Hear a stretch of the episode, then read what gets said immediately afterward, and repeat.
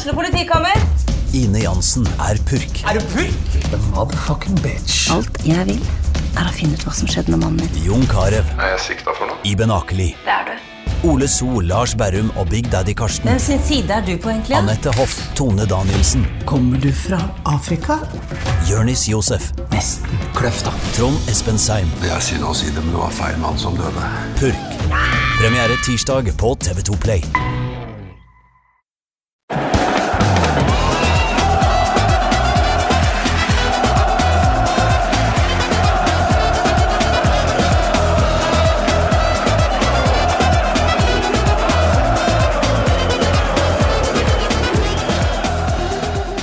Hei og velkommen til ei flunka ny, rykende fersk episode av Pyro og Pivo. Mitt navn er Morten Galaasen. I dag så skal vi reise langt vekk, og det gjorde jeg for så vidt også sist lørdag. Eh, tusen takk til alle som møtte opp eh, på Hamar. Vi har eh, for så vidt bestemt oss for at det ikke blir noen publisering av den episoden. Spesielt kanskje fordi Trym syns jeg sa mye rart etter hvert. Og før vi går i gang og snakker mer om hvor mye rart Trym kan si, ikke med Trym, men eh, med noen andre, så vil jeg nevne mitt eh, meget eh, hva skal vi si, skamløse prosjekt. Pyro Pivo er nemlig nå på Patrion. Patrion.com pyropivopod. Der er det altså mulig å støtte meg, som har blitt eh, arbeidsledig. Jeg slutta jo i jobben min. eh, Og podkasten. Men man får ikke en dritt tilbake. Det er veldig viktig å poengtere. Så dersom du blir patron for Pyro Pivo, så gir jeg deg ingenting, men muligheten er der på patrion.com pyropivopod. Så alt av episoder og blogginnlegg og sånn vil fortsatt komme åpent til alle, også de som ikke velger å gi meg spenna sine. Og med det så må jeg introdusere dagens gjest, eh, Remi André Øyvåg, mest kjent som André, eller Øyvis. Velkommen. Kjært barnavn, mange navn. Ja, du har jo to fornavn og et etternavn. da. Ja, Og tre-fire kallenavn. Ja, Så- ja, altså hvis vi skal begynne på kallenavnene dine, så blir vi her en stund. Eh, Det ser jo faen ikke ut på telefonen min når du ringer meg, f.eks. Ja. Det skal vi ikke ta her. Og motsatt.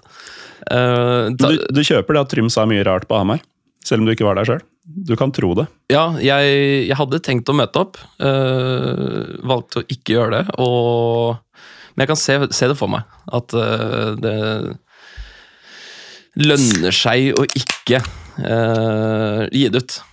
Ja, det, det gjør det nok. Og mm, du kjenner jo Trym godt, fordi du spiller inn podkast ofte Altså ikke med Trym nødvendigvis, men uh, Det har hendt i hans bakgård. i hans bakgård, i hans Jeg, jeg vil egentlig påstå det er hans eh, Altså media.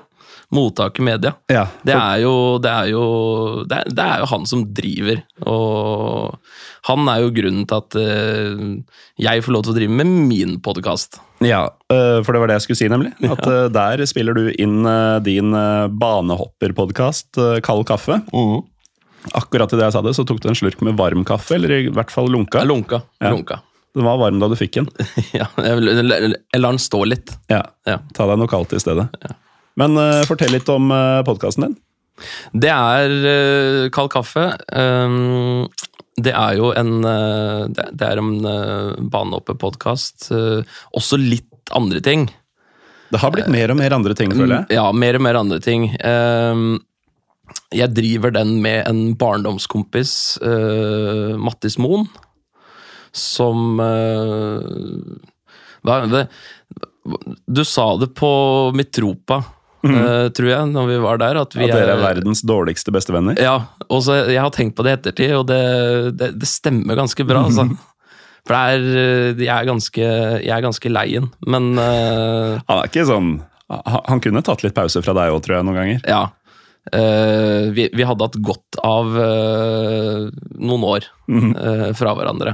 Ja. Men eh, vi starta jo podkast sammen, da. Eh, og det er jo egentlig det, det er jo egentlig når jeg og Mattis sitter over et bord med fem-seks øl og har en diskusjon og en samtale om uh, ting vi syns er artig å prate om, så har, har vi egentlig bare tatt den samtalen Inn i et studio. podkaststudio Mm. og ta det opp, og bare satsa på at noen uh, har lyst til å høre på det. da. Ja, og folk uh, hører jo på så lenge de bor i Stavanger.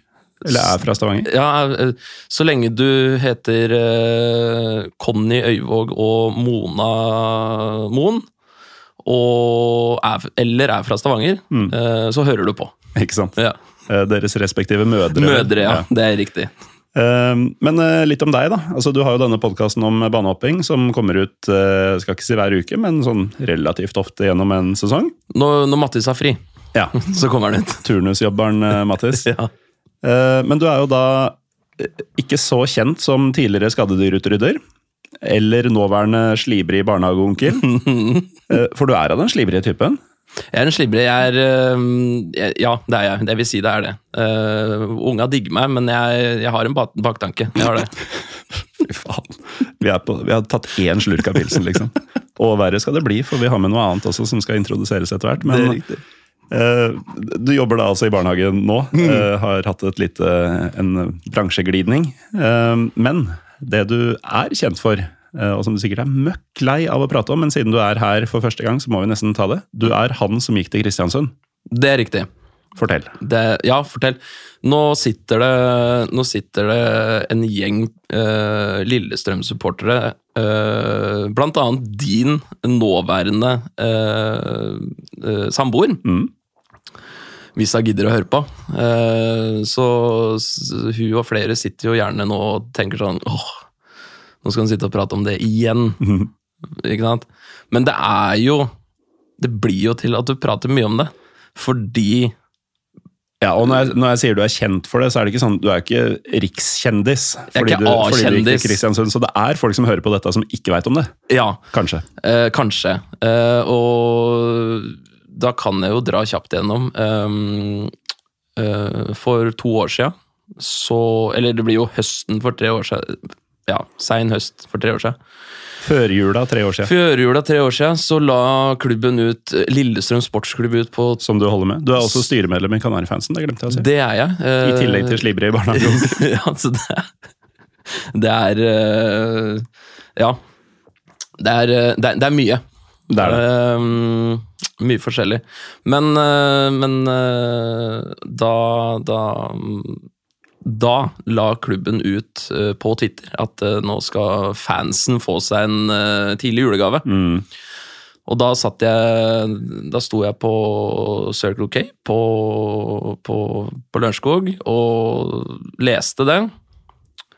Og så gikk jeg Så svarte jeg på den tweeten at, eh, at eh, hvis dette er Khan Kairin som er eh, som, at, Vi hadde jo han, Khan Kairin på lån, finsk landslagsspiller. Altfor god, altfor dyr. Uh, alt, alt Han var bare helt amazing å se på. Uh, og da tenkte jeg nå skal jeg prøve å være litt morsom, noe jeg aldri er. Uh, og, og rett og slett bare, hvis det er han som er signet permanent, så skal jeg gå til første bortekampen neste år. Mm. Uh, og så gikk jeg inn, uh, inn på dassen på, på Circle Circle på Lørenskog der. Og når jeg kom ut igjen tre minutter seinere Tre minutter? Ja, jeg, kjøpt, jeg, eh, tok med meg kaffe, da. Så tisser ikke så lenge. Nei, men du tok med kaffen inn og sto med kaffen inne på dass og pissa? Nei, jeg gikk inn og tissa, gikk ut, kjøpte kaffe, og så Ok, Så du var på Circle K i tre minutter, ikke på dassen? Nei, ja. Nei, fordi det var sånn merkelig tid. Fordi hvis du pisser, så tar det jo ett minutt, kanskje. ja maks. Og hvis du driter, tar det mye mer enn tre. ja. ja, så det er historia. Og da, og da Det er historie, Men hvis jeg hadde gjort motsatt Hvis jeg hadde gått og pissa først, og så svart på tweeten Mm. Fordi i, i det tidsrommet der, så legger jo klubben ut en ny tweet om at eh, det er Kan Karin som er kjøpt. Og da hadde vel eh, din eh, fæle bestevenn allerede screenshot av tweeten, tenker jeg. Eh, både han og eh, e- egentlig alle kompiser Mm. eh, hadde jo allerede lagra det sånn i tilfelle. Og dette var jo i førjulstida, Mm. som også er den tida hvor terminlista kommer, så det var vel ikke lenge å vente før første versjon av terminlista 21 kom. Nei. eh, rett over nyttår. Eh, hva blir det? Februar? Er det ikke da han pleier å komme? Nei. Mye tidligere? Ja. Samme. Um, den kommer i hvert fall rett etterpå. Uh, og da, da kommer Dette er jo da under covid. Mm. Og da, da, får, da er første utkastet uh, at uh, vi skal spille første bortekampen mot Kristiansund. Og det er jo en beta fra Lillestrøm, vil jeg påstå. Eh, og da, da blei det de to-tre neste dagene en veldig hype. Altså en veldig sånn uh, Shit, det er dit han skal gå. Ja, for det, det var jo noen runder på det at det, det er vel den verste Ja. av de som det går an å gå til, da, hvis Ja. vi fjerner Nord-Norge. Ja, ja for dette det, øh, sånn øh, Med tanke på ferie og tid og sånne ting altså, Hadde jeg, hadde jeg vunnet euro-jackpoten, så kunne jeg satt av et helt år og gått til Tromsø. Men, øh, men jeg brukte jo alle feriedagene mine på å gå opp til Kristiansund. Så hvis du tar vekk øh, Tromsø og Bodø, da, som er liksom uaktuelt med tanken på tid, så var Kristiansund den verste Ja. øh, som var igjen. Um, og så blei det veldig stort eh, altså rundt det at det var Kristiansund veldig kort tid etterpå. Og så kom jo NFF å gjøre om. Og da tror jeg de gjorde om til Stabæk eller Sand- uh, Sarpsborg først. Ja, jeg eller på om det var Stabæk, ja. ja, Stabæk, og så kommer det enda en ny, uh, hvor det da er Drammen. Og Drammen er jo Altså Godset borte er jo den som blir første bortekamp som blir spilt. Ja, det som skjedde var at man hadde en versjon 2 hvor det var Stabæk, Mm. men så hadde jo det fantastiske opplegget med at eh, klubbene i Viken eh, de fikk jo ikke trene eller spille Ja, de første ukene, Stemmer. fordi eh, det var så mm, høy smitte per innbygger, Mm. eller noe sånt. Eh, selv om Oslo, som ligger midt i Viken, som man av en eller annen grunn kaller det nå, Mm. eh, der var smitten relativt lav per innbygger. Mm. Så Oslo-lag kunne holde på som før, men ti minutter utafor bygrensa i hvilken som helst retning, helt uaktuelt. Ja. Så det som skjedde, var at eh, Stabæk eh, på papiret skulle være første bortekamp. Den ble ikke spilt før seinere i sesongen pga. dette her, for de to første kampene ble rett og slett utsatt. Mm. Um, og da ble det sånn at uh, man starta bort mot uh, Godset. Ja. Så du hadde egentlig fått to muligheter til å snike deg unna. Du kunne si nei, da ble det Stabæk i stedet. Ja. Eller ok, det ble i praksis Godset, da kan jeg gå til Drammen. Ja. Men du sto på ditt. du. Ja, øh, jeg gjorde det, og min, min idiotiske podkast Kollega. kollega, han, øh, han mener jo fortsatt at jeg ikke har øh, gjennomført. Ja, for du gikk ikke til Jeg første bortekamp. jeg gikk jo ikke til Drammen. Han er så drittsekk, han. Og det er sånn Ja, men jeg gikk jo ti ganger så langt. Mm. Nei, men nei, det gjelder Det det er uaktuelt. Han, han mener at jeg fortsatt ikke, ikke har gjort det jeg sa jeg skulle. Men, eh, men, men på grunn av at det var så stor øh, Hype. hype rundt det at det var Kristiansund, når det, når det liksom hadde holdt på en stund, og så kommer det det at eh, det egentlig er Drammen, så valgte jeg rett og slett bare å stå i eh, turen til Kristiansund. Eh, lang historie litt lenger. Uh, så uh, starta jeg tre uker og tre dager før den kampen skulle spilles.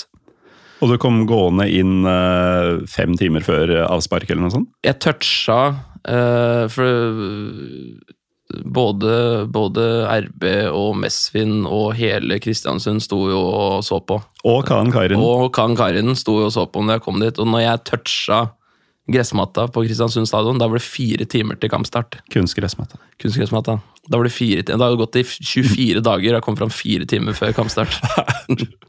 Det er jo altså fire timer eh, Å komme fram fire timer for tidlig for noe, er jo egentlig å være tidlig ute. Men i dette bildet Mm. Da har du er- dårlig tid. Ja, det er på fluehåret. Uh, uh, mm, Mm. det er det. Men uh, du brukte altså tre uker og vel så det på å gå fra Tom Lund-statuen ved Åråsen Ja. inn på matta til Kristiansund. Ja, og det, jeg, jeg valgte jo jeg, jeg valgte jo å kalle turen fra Tom Lund til Kristiansund. Mm. Uh, og jeg hadde jo egentlig tenkt å bare Altså bare møte opp og gå. Ja. Og liksom bare kanskje ta noen bilder underveis og si at nå er jeg gjennomført. Men så ringer jo Du prata om Trym Hogner Mm. tidligere i episoden, og han Han hadde planer for deg. han hadde planer for meg, for jeg hadde jo ikke det. Og han sier jo det at eh, ja, men du kan jo kanskje gjøre noe ut av denne turen. Kanskje starte en spleis, kanskje gjøre et eller annet. Så jeg gjorde jo det. Jeg oppretta en spleis, Og da tenkte jeg det at uh, sånn 10 000-15 000, det er, det er bra. Altså, Jeg valgte jo da Romerike krisesenter, Ja. som skulle få de penga. Uh, og tenkte han sånn 15 000, det, hvis, hvis jeg får inn det, da skal jeg være fornøyd. Eh, på Idet jeg kom fram, eller i, ut den dagen, eh, så endte spleisen på 136 000. ja, den tok jo helt av. Ja. Men nest siste dag så lå den jo på 70. Så det var veldig tydelig at folk holdt igjen for å være helt sikker på at han hadde kommet fram, før de liksom Ja, greit, nå kan det Ja. Så, For krisesenteret skal faen ikke ha de penga hvis ikke han fyren her kommer fram. altså. Nei. så det var eh, Men altså Bare de penga aleine var jo verdt hele gåturen. Mm. Og nå sitter jeg to, to, altså over to år seinere, og Du er jo ødelagt for livet. bein, hofter, øh, fotblader, knær Alt er jo ødelagt. Ja. Og det er to år siden. Jeg elsker det. Um, apropos to år siden, det var jo uh, i de dager at vi uh, ble kjent. Uh, men før det så hadde du jo vært litt sånn inn og ut av Du hadde slide, sliding into my DMs noen ganger med ideer om episoder og sånn i tida før, før vi møttes. Mm. Stemmer nok det, ja. Og du kan jo gjette hvem sine ord dette egentlig er, men jeg har da bestemt meg for å si at du har da sleika ræva mi i tre år. Og endelig er du her. Åssen føles det? Uh, ja jeg, jeg, Tror du det er mine ord? Det, det er ikke dine ord. Uh, jeg veit uh, vet veldig godt hvem, eh, hvem, eh, hvem det er. Mm. Og det, det er for øvrig en veldig god Jeg, jeg, jeg kan si venninne av, av meg. Eh, Og meg. Og deg. Eh, Jeg sier ikke noe mer. eh, som, som, eh, som, som bruker de ordene. Nei. Men nok om det. Det var ganske, ganske ubehagelig. Men, men, eh, men, men jeg har jo Og det, det, det står jeg på, at jeg har jo, jeg har jo prøvd å la være å høre på Pyro Pivo eh, i mange år nå. Ja, I hvert fall de siste to etter at du ble kjent med meg. Ja, så har du skjønt at ja. det, det her I hvert fall etter de siste to, de siste to åra, men eh, jeg ender jo opp med å høre på likevel. Så det er et eller annet der. Kanskje dette er muligheten din for å høre på seg sjøl. Det er ikke alle som eh, liker. Jeg, jeg Eh, hater det. Og nå har det jo for så vidt handla en del om deg allerede, men jeg måtte bare få sagt det der, og det var jævlig ubehagelig. men eh, episoden skal jo handle om at du har vært på familietur til Balkan. Mm, det har jeg. Um, sett kamp og kamper. Kamper! Må Og, vite. og når man har vært på familietur, og det var nå i sommer Mm. Når man er på familietur om sommeren og er nordmann, så er man jo ofte på Granca eller eh, Kreta eller eh, noe sånt. Ja, det, eh, ja. eller noe greske øyer. Ja, som Kreta er. Mm. Bra, Morten. Men det ble ikke sånn for dere. Det ble ikke sånn. Uh, jeg, er jo, jeg er jo veldig glad i å reise, og vi er jo en reiseglad familie. Uh, jeg og min far og min mor og min søster. Uh, og vi har jo hatt tre uker bilferie ferie i Europa, og vi har uh, vi har vel huka av en sju-åtte øyer i, i Hellas, og vi er glad i å reise. Mm. Og jeg har jo tatt med meg det altså inn i altså, Når jeg reiser aleine også. Mm. Uh, og så har du kanskje blitt litt lei av liksom Parisertårnet og eh, ja, alle, alle London Eye og alt det der. Ja, for du har ikke den mest mainstreame bucketlista på land du vil se og kamper du vil oppleve og sånn? Nei, for det er eh, altså, eh, Tour de France og Champs-Élysées og Parisetårnet og alt det der, det, det, er, det er jo dritgøy, men, men det er liksom da, Etter hvert så søker du mot altså, det litt mer ekstreme, litt mer ukjente, litt mer Ikke sant? Men eh, siden du brukte navnet to ganger, tror du i fullt alvor at det heter Parisertårnet? Nei. men det er, litt, det er bare mye lettere å si. Ja. Uh. alle, alle skjønner hva jeg mener. Um, men um, Og jeg har jo da har jo da etter hvert uh, uh, Ja, nå høres det ut som jeg sleiker ræva til Pyro Pivo, da, men, uh, men etter å ha hørt um, uh, turen deres til uh, Football in Heaven, mm.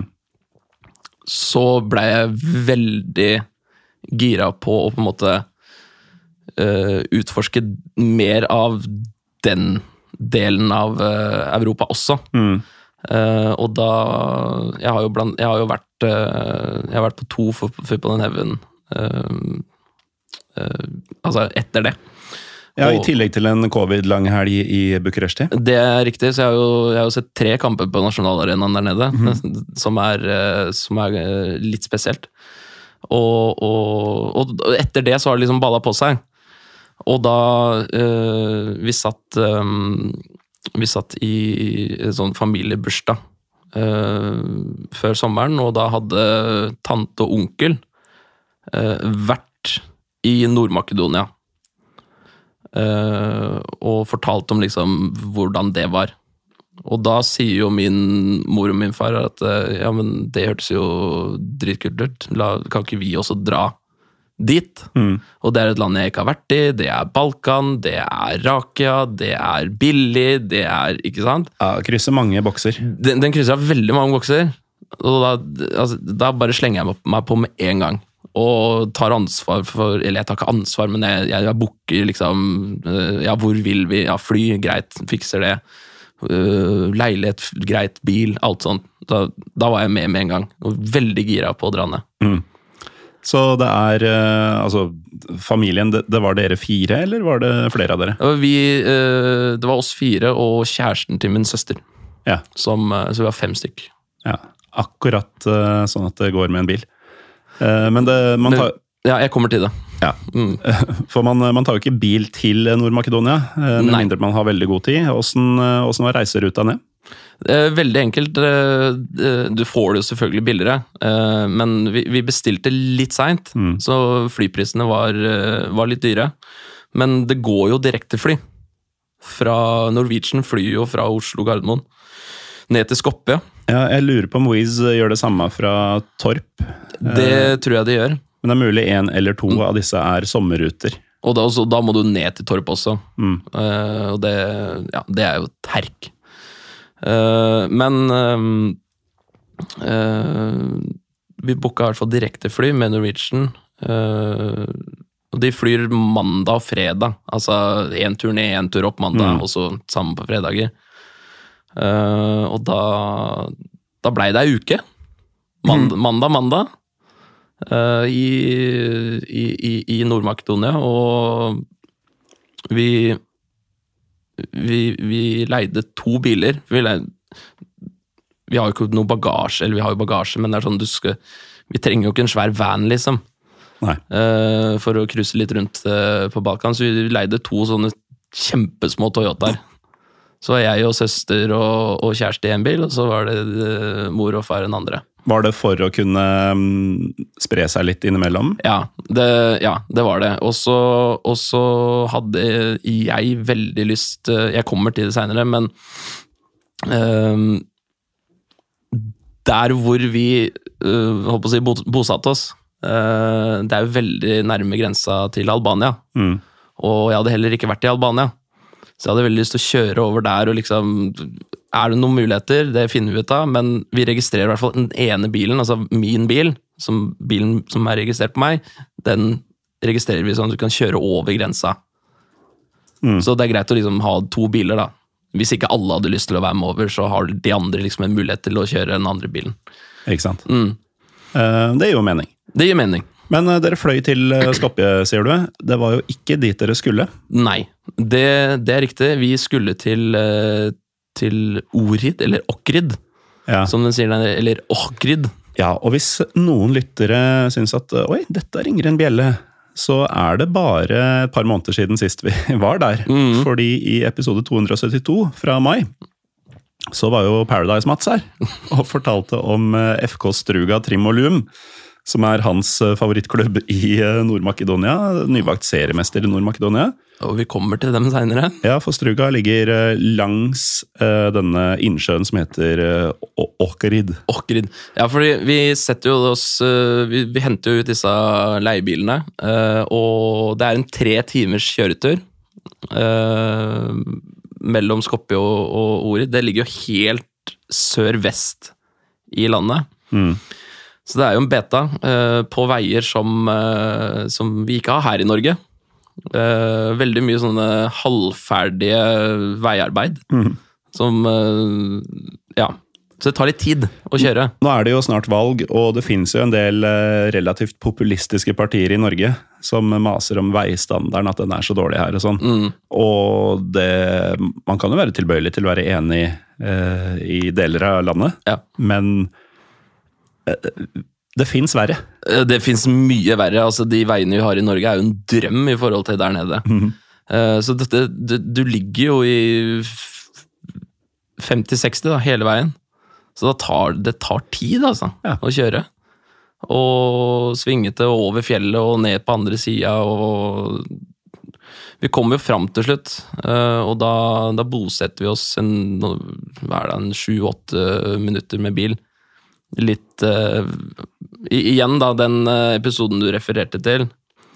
Uh, For de som har kartet foran seg, så har du da Struga, som, er da, som ligger helt nord, Uh, langs denne Okridsjøen.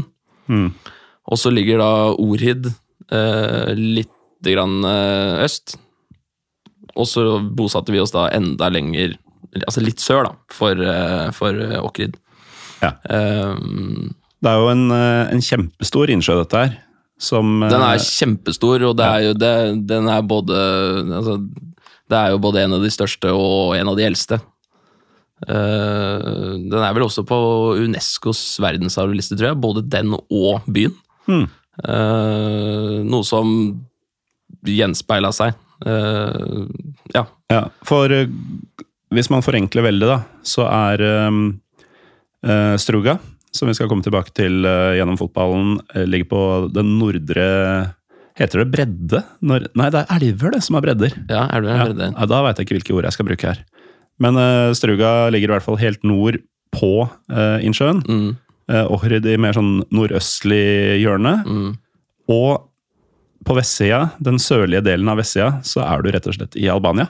Ja. Så det går en grense i innsjøen her. Ja, for det, det, det går en grense der. for jeg, altså, Hvis du forenkler det veldig, så er jo to tredjedeler av, av innsjøen er eh, i Nord-Makedonia, og så er en tredjedel helt sør-vest, eller ja, Ja. i, i Albania, da. Mm. Eh, det også kommer vi tilbake til. Um, Men uansett, dere bosetter dere en snau ti minutters kjøring utafor Ohrid by. ja, leie leilighet og, og full pakke der. Airbnb, eller? Nei, men det er jo altså, samme type, da. Altså, det var, jo, var vel en type via booking eller et eller annet sånt, men, eh, men det, er samme, det er jo sånn leilighet. Eh, Sånn leilighet. Det var en leilighet til utleie. Ja. Akkurat som man får gjennom Airbnb, men som man også kan leie på andre måter. Andre måter, ja. ja. Skjønner. Så det var en sånn leilighet.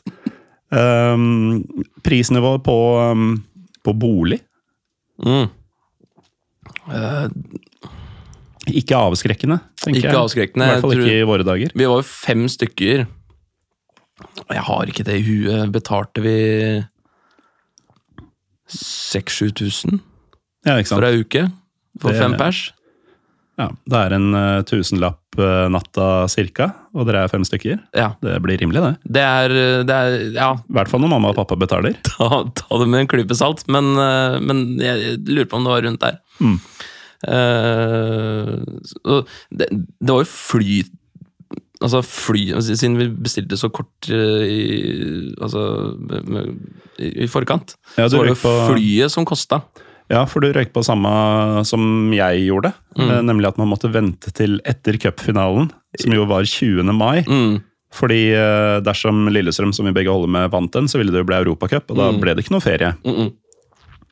Men samtidig så er det jo da en måned, to måneder til man skal ut og reise, og da er prisene Altså, de gode setene er tatt, for Ja, å si det sånn. det er dem, og, og det er jo midt i sommer, eh, sommerkjøret også, så men når du altså bo, bil, det å leve der nede, det koster jo ingenting. Mm. Så når du først kom deg ned dit, så var det jo greit. Um, og, og det, altså, er, jeg har jo, Vi har jo snakka om at uh, altså på privaten at eh, du, er, du er mer fan av å se på gamle bygninger enn det jeg er. Eh, jeg, jeg setter pris på en velstelt gammelby. Men det er ikke noe sånn at, det er ikke noe sånn at jeg står og Jeg står jo ikke og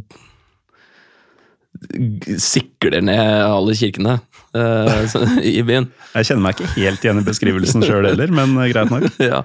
uh, men, men jeg likte veldig godt altså, Åkrid som by. For det er, i stedet, altså, det er veldig tydelig at de har uh, Istedenfor å på en måte rive det gamle og bygge opp nytt, så har de bare pussa opp Mm. det gamle. Altså bare fresha opp det, det, som allerede er der, da. Mm. Og apropos kirker, så er det jo Hva hva er det de sa? Det var 365 kirker i byen. I Ohrid-by. Ja. Én for hver dag i året. Eh, og det er en by som uh, Den er ikke større enn Lillestrøm. Nei, ikke sant? Det, det blir noen kirker. Det er, en, det er noen kirker. Ja. Uh, jeg ser liksom for meg at det kan være greit å bosette seg en åtte minutters kjøretur unna, da, så du Mhm. ikke har alle disse kirkeklokkene ringe.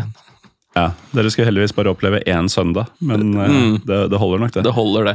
Men i hvert fall, eh, det blir jo litt fotball på i denne episoden også, selv om lytterne kanskje har eh, gitt opp det håpet. Nei, fordi ja, du skulle se to kamper på denne turen, Stemmer. eh, hvorav den ene ikke var i Nord-Makedonia. Og i det andre landet så har jeg også vært og sett fotball i sommer. Mm. Um, lytterne har sikkert skjønt hva det andre landet er nå, siden Mm, vi har nevnt det, eh, det noen ganger. Men i hvert fall, du skulle her se um, Eller alle tre kampene vi så begge to, var Europacupkvalik. Nei. Eh, Jo. Jo, det blir Europacup, ja, selvfølgelig. Ja. Ja. Skal jeg love deg at det er. Mm, Eh, Du skulle se Struga mot Jalgris fra Vilnius. Stemmer. Eh, Og så skulle du etter hvert eh, reise ut av landet for å se FK Egnatia mot eh, Ararat Armenia. Stemmer. Eh, Jeg på min side skulle se mm, Partisani mot eh, Bate. Mm. Eh, Som for så vidt var før deg, men jeg har bestemt at vi, eh, vi begynner i Nord-Makedonia og beveger oss vestover. Mm. Synes jeg er fint. Som betyr at eh, Struga Sjalgris blir første matchen vi skal prate om. Mm. Eh, Du måtte, du måtte for så vidt ut med litt mer penger for billetten enn du kanskje ønska, selv om det fortsatt var ganske rimelig, men du fikk jo til gjengjeld mer enn en billett for mm. den prisen.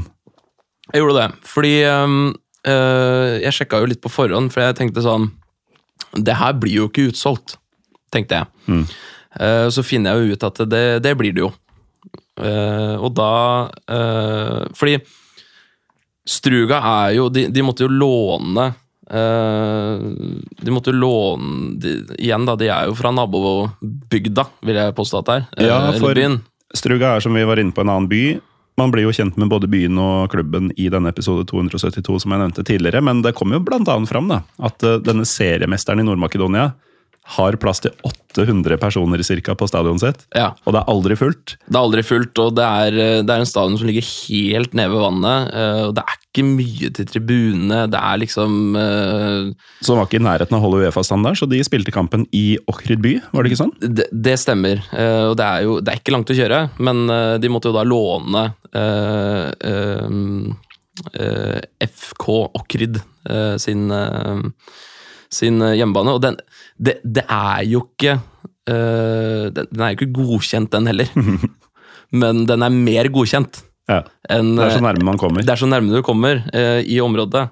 Uh, og da um, eh, de, Altså S, SRC Biljanini i Svori heter jo da eh, hjemmebanen, eller stadion de spilte på. Mm. For jeg tenkte jo når jeg først var der nede, så må jeg jo Altså, det er åtte minutter å kjøre dit. Mm. Og det er, eh, og det er eh, Champions League-kvalifisering. Da må jeg jo på den kampen. Ja. Og, og fortalte dette til, til resten av familien, og til min store overraskelse så ville jo de være med ja. på kampen. Uh, så jeg rett og slett uh, leita meg fram på noen sånn eh, shady nordmakedonske nettsider og fikk uh, kjøpt fem billetter. Mm. Uh, og da fikk jeg beskjed om at uh, Fordi de hadde prisa seg ekstremt høyt, altså ikke, for, ikke norsk standard, men, men det, det kosta 200 kroner for hver billett. ja. Uh, og Ekstremt høy pris i Nord-Makedonia Nord- er en norsk bortebillett. Det er riktig. Det, er- det er helt riktig. Eh, og for, det var, jeg prata med en eller annen eh, sånn fotballnerd der nede eh, i forkant, han sa det at eh, Han sa det at vanlig pris er jo en sånn eh, Ja, hva sa han da? Åtte-ni euro. Altså en åtte, under hundrelappen Ja. uh, for en vanlig kampbillett. Uh, og nå var det altså, Over 200, altså over dobbelt så mye. Ja, over dobbelt så mye. Og, og jeg, jeg var litt spent på om det blei utsolgt eller ikke, men jeg tenkte det er greit å bare få kjøpt på forhånd. Sånn i tilfelle. Uh, men da får jeg beskjed om at For da, da er det tydelig at klubben hadde innsett at de hadde prisa seg for høyt. Mm. Så da fikk jeg jo, fikk jeg jo beskjed om at eh, da får du med T-skjorte.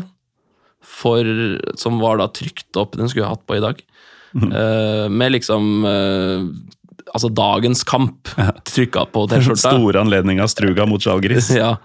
Uh, og, og ikke nok med det, så fikk du også med sesongkort på FC Struga sine resterende hjemmekamper i 2023.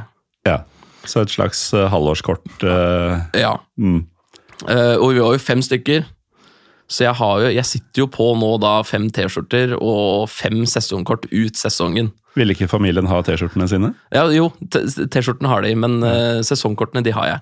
Så hvis det er noen lyttere nå som, eh, som vil ned og se FC Struga og ikke gidder å betale inngang, Som syns det er lettere å komme og hente en billett på Blaker, hvor du bor, ja, enn, å, enn å bruke de åtte euroene sjøl. ja, så er det bare å si fra. Um, men dette måtte du veksle inn i, i inngangen uh, når vi kom dit. uh, og kommer oss inn, finner plassene, og det er Det er 40 grader i sola. Det er ikke ett vindkast. Og det er bare ubes... Det er ikke skygge. Det er så ubeskrivelig varmt å sitte i den sol, uh, solsteika der. Eh, og det er, sånn det, er, det er sånn standard hvor du, hvor du har Altså, det er jo ikke helt, det, er, det er jo ikke en pen stadion, men jeg liker jo de der slitne Altså rønnene. altså, det er jo, det er, det er, de er jo det beste å dra til. Eh, hvor du har en, en hovedtribune, uh, og så har du sånn uh, trestillas eh, ganske svær på andre sida, og så har du ikke noe på sidene, da. Og kommer oss inn, setter oss der, begynner å se kampen, og det er Det er så varmt å sitte i den steika, og det er sånn Jeg klarer meg, og fattern klarte seg på et vis, og, og sånne ting, men Og de andre syntes jo det var gøy, men vi, eh, vi tenkte jo det at eh, det må jo være mulig å få kjøpt seg For bare få i seg litt vann. Ja, eller en pils hadde jo vært En pils også. eller noe vann eller et eller annet, noen forfriskninger, så overlever vi jo andre omgang. Uh, og da er det sånn at uh, min søster, uh, kjæreste og, og min mor går jo da uh, for å prøve å finne dette. Mm. Hvor da min søster besvimer på vei ut av rett og slett heteslag. Mm. For det er, det er så varmt der.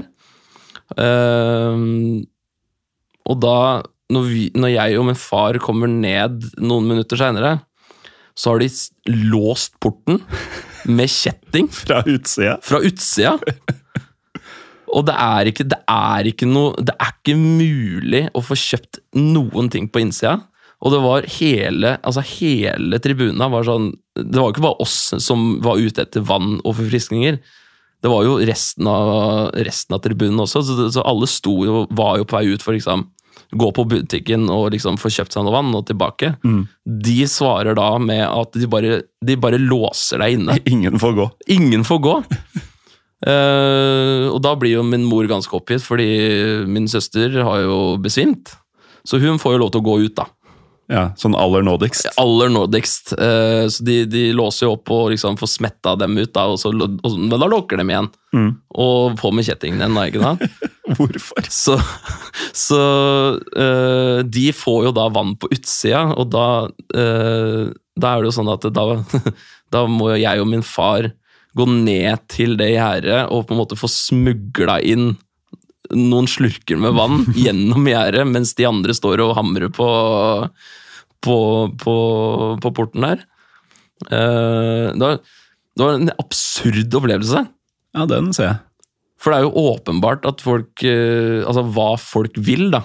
Altså, det, er jo, det, det, er ikke noe, det er ikke sånn at de skal rundt hjørnet og, og ta bortesupportere, liksom. Det er de, vi skal bare ha vann. Ja, man ønsker å leve. Ja, ønsker å leve, rett og slett. Men jeg, det er vel ikke sånn at eh, på det som blir en Det det er jo liksom sydendestinasjonen til makedonerne, dette her. Ja, det, ja, det er det. For det, det er jo ikke noe, de har ikke noe kyst, så hvis man skal på en innenriksferie eh, med strand, så er det jo til denne sjøen, eller innsjøen man drar. Mm. Um, så det er ikke sånn at eh, man ikke er klar over at det blir varmt her om sommeren. Nei. Og man skulle jo tro at en klubb som arrangerer en fotballkamp, veit at for det første det er penger å tjene på å ha en kiosk, og ikke minst um, folk er mer happy med å være på stadion, og kanskje de kommer igjen en gang. Ja. Uh, Hvis de har en god opplevelse. Ja, Dette bare gla, ga de glatt faen i. ja glad, du, du, du dreit i det. De dreit i helsa til folk. Mm. Uh, og den, uh, altså den innenriksferien, den begynte uka etter. Eh, og det, det er som du sier, alle, alle nordmakedonere når de skal på ferie innenriks, så reiser de jo dit. Mm. Så det er jo Altså, de må jo være klar over at eh, det blir mye folk. Det er den varmeste måneden i hele året. Du må servere vann, liksom. Ja. I det minste. Det- Men de skjønte jo det i andre omgang, altså under andre omgang. Eh, for da, da hadde jo Da hadde jo de tre, de tre andre, de hadde jo De, de orka ikke å komme inn igjen. Mm. Men min far og jeg, vi, vi satt igjen. Og da, utover i andre omgang, så kom de bærende på sånne 24-pakk med vannflasker og bare heiv, for de skjønte at eh, nå, nå går det helsa løs, liksom. Det står om liv. Det, det står om liv her. Mm. Og plutselig Um, betyr det noe. Plutselig betyr det noe. Men du nevnte um, eh, at man skal jo ikke rundt hjørnet og angripe bortefansen. Var, Mm. det, var det noen bortefans? Det var det. Eh, det var det. Eh, de, de var jo da plassert på samme tribune, Mm. eh, men da med et gjerde eh, og egen inngang. Eh, bra oppmøte. Jeg vil si Jeg anslo en 30 Mm. ish som hadde dratt da fra Vilnius. Og de fikk jo da De fikk jo da rett og slett For det, var jo, det ble 0-0. Dette var jo andre oppgjøret. Ja. Det ble 0-0 i første. Og bortelaget med Arnie Williamson Žalgiris, ja. ja, på laget Uh, stikker av med seieren 1-2.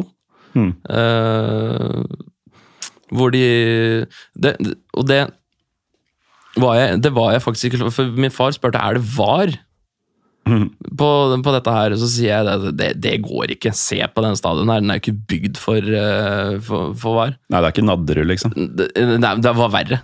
Verre enn Nadderud, og Nadderud er den verste i, i Norge.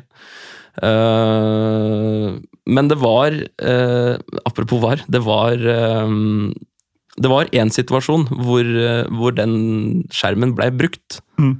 Hvor vi da liksom Å, det, er der skjermen er. Og da skjønte vi at det, det er VAR. Og jeg lurte på om de blei tildelt straffe da, og så gikk det opp i 2-1. Lurer jeg på. Litt usikker. Eh, nei, altså det ser ut som om eh, Struga tok ledelsen på straffe et kvarter før slutt, og så snur Zjalgris det eh, minuttene etterpå til 1-2. Uh, men ikke med straffe. Nei, det er det, det, ja. Ja. Da, da husker jeg feil. Mm. Men, uh, men det var i hvert fall en var-straffe der, Ja. hvor uh, Hvor Ja, hvor Struga skårte. Ja. Um, men Schalgers vinner jo, vinner jo i hvert fall uh, matchen og går videre. Jeg lurer på om det, jeg lurer på om de møtte Galatasaray i, i neste runde. Det tror jeg stemmer. Som igjen nå skal spille mot uh, vårt kjære Molde. Mm. Uh, i, ja, om noen dager, i skrivende stund. Ja, blir kosekamp for meg, det. Mm. Gutta mine mot gutta mine. Gutta, gutta mine. Um, men ok, ok bortefølge. Jeg tipper at i den varmen så var det ikke noen kjempestemning blant hjemmefansen, eller? Nei, det er, det, det er jo det er ikke sånn altså, Det er ikke noe ultras, det er ikke noe sånn Altså så, Den type supporter som jeg føler vi er, da, Morten. Eh, altså vi to. Vi er, altså, vi er jo ikke den der eh, vi er, vi er jo ikke noe ultras, men vi er heller ikke den Vi er ikke Sittan heller. Uh, det, det, det, det var ikke noen av oss heller. Det var liksom Det var, eh, det var sittende fuglefrøspisende supportere som eh, Ja, når de skårte, så sang de noe greier, men det var liksom ikke noe mer enn det. Nei. Som, vi, som vi var inne på i denne episoden om Struga, så er det jo en ung klubb eh, uten noen sånn spesiell verken historie, tradisjon, kultur knytta til seg. Trim, trimmelum. Trim og. Um, men uh, taper da 2-1 og ryker ut. Uh, kanskje like greit, uh, Struga, men vi skal ikke forlate Nord-Makedonia helt ennå av den grunn. For du var jo der i noen dager, og vel så det, med familien. Uh, litt rundt og så deg rundt omkring i byen, spiste mat, drakk uh, lokale varer og sånn. Åssen hadde du det i Nord-Makedonia? Jeg, jeg storkoste meg, og det var jo eh, Det var jo Jeg har jo alle disse listene. Alle disse listene. Ja, du har mye lister. Ja, jeg har mye lister. Alle landene jeg har kjørt bil i, alle landene jeg har besøkt. Uh, alt, jeg, har, jeg har mye lister. Uh, og og Nord-Makedonia var jo ikke på lista. Så jeg var jo dem? ve- så- Nei, på ingen av de. Så jeg var jo veldig nysgjerrig. Uh, og, og når jeg drar til et nytt land eller et nytt sted, så er jeg veldig opptatt av å prøve de lokale greiene, som de sier litt lenger nord her. Eh, gjerne uh, nasjonalretten, lokale drikker, lokal øl, alt det der, da. Pussig at du skulle nevne lokale drikker, fordi eh, jeg har helt noe i glassa våre før vi satte i gang her. Mm. En uh, Lozova Rakia fra produsenten Tikvesh. Mm. Um, rakia har, jo vært, eh, har vi vært borti mange ganger i Pyro Pivo. Eh, det fins jo både blanke og gylne. Dette er av den gylne typen. Eh, men ekte makedonsk eh, vare, eh, som vi snart skal gulpe i oss. Men før vi gjør det, så åssen opplevde du de lokale drikkevarene der nede? De er gode på øl, vil jeg si. Det er, det er mye det er, det er Mye er å ta i, men det er, det er en del bra bryggeri som serverer mye lyst Altså, det, går jo lyst øl, det er jo det det går i. Men, men er, jeg syns de er gode på øl. Uh, og, så, og så lager de jo både blank og, og, og holdt på å si gul. Uh, Rakia. Jeg er ikke så fan av den blanke. Eh, men eh, Og min far er jo Han også Han, han, er, han liker jo ikke rakia, men, Men- han blir jo med på det. Ja. Så det blei jo, ble jo både rakia til både frokost, lunsj og middag mm. utover uka der. Men jeg, jeg vet jo at du tok jo faktisk med deg Dette er helt tilfeldig, at jeg hadde en sånn fra før, men du tok med deg en helt lik eh, hjem Ja. som den jeg serverer her i dag. Det er riktig. Den her Er det den- fordi du hadde smakt den, smakte du den der nede, eller var det bare noe du fant på flyplassen? Nei, den, eh, den, eh, den, den smakte vi på på den ene restauranten, og så fant jeg den i butikken, den lokale butikken. Så For der den selger, ville de- du ha? den, der selger de jo sprit hele, hele døgnet. Ja. Så den, den, den valgte jeg bevisst. Mm. Og så tilfeldigvis så hadde du en stående i skapet ditt. Ja. Uh, så den, den her syns jeg er god, rett og slett. ja. Da har vi tatt noe av brodden av at vi smaker på den i studio her, men uh, likevel. Vi tar en liten tår. Det er jo mandag kveld, tross alt. Jeg, jeg skjønner hvorfor du sier du liker de brune bedre enn de blanke. For de er jo gjerne litt sånn Fargen kommer jo gjerne av noe tønnelagring og, og sånn. Så de er jo gjerne litt mer sånn eh, både avrunda, men også kanskje krydra av et vis. Ja, det er litt mer krydder i dem. Jeg føler, eh, jeg føler de blanke blir Jeg, jeg syns det smaker mest sprit. Ja. Men Altså, du er du med meg? Jeg skjønner hva du mener, men jeg tror dette også betyr at du nærmer deg den alderen hvor du begynner å like konjakk. Bare så vet Ja, det har jeg likt, lenge. Ok, ja. ja, for det er eh, De der gylne rakiaene, mange av dem er litt sånn balkankonjakk. Mm. Ikke sant? Du kjenner litt grann uh, likheter. Ja, ja, ja, absolutt. absolutt. Men den, eh, den her syns jeg, eh, jeg er fryktelig god. Men, Uh, grunnen til at jeg har den, forresten, er at den fås på polet. Det var i hvert fall mulig å få den på polet for noen år siden. Det var ikke klar. Så uh, igjen, um, ingen spons, men Lozova Rakia fra Mm. Tikvesh. Uh, hvis noen vil uh, sjekke ut det. Mm. Eh, du nevnte noe om eh, lokal mat også. um, Ja. eh, jeg, må, jeg må først og fremst eh, slå, slå et slag for tomatene der nede. Ok. Mm. For jeg, jeg er glad i jeg, jeg kan sette pris på en uh, god salat, Uh, eller altså lignende, da. Kan du det? Ja, faktisk. Uh, og, og sånn, altså Kjøre noen brødskiver med noe tomat og noe mozzarella og liksom krydre det litt. Rann. En caprese-sandwich, ja, liksom? Det, det, det kan jeg sette veldig pris på her hjemme. Mm. Men de tomatene som er der nede, de er så gode. Ja vel. Så det er, det, det, det er, det er en helt annen liga. Jeg aner, aner ikke hvordan, eh, hvordan prosessen bak de tomatene er, men eh, de, er både, de er både store og helt nydelige. Makedonske tomater. Ja, De anbefales på det aller sterkeste. Ja. Uh, Det er syltynn uh, versjon av åssen mat er det i det landet Nei, jeg, kommer til, jeg, jeg kommer til noe mer, mer eksotisk, for de har jo de har, de har Nasjonalretten der nede er jo uh, Tavsje grafsje. Mhm. Garantert at jeg uttaler det feil. Um, det er jo uh, veldig mange Nå, nå.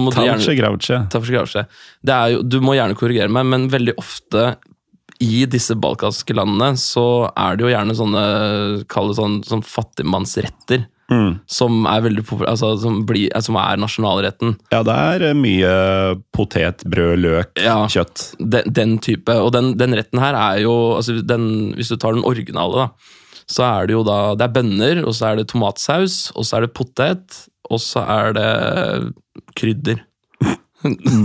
ja. Ingrid Jensen-krydder. Ja. Eller, ja, den blir krydra med et eller annet. Um, som Som, eh, som eh, Du får en Jeg vil si en ganske liten porsjon, egentlig.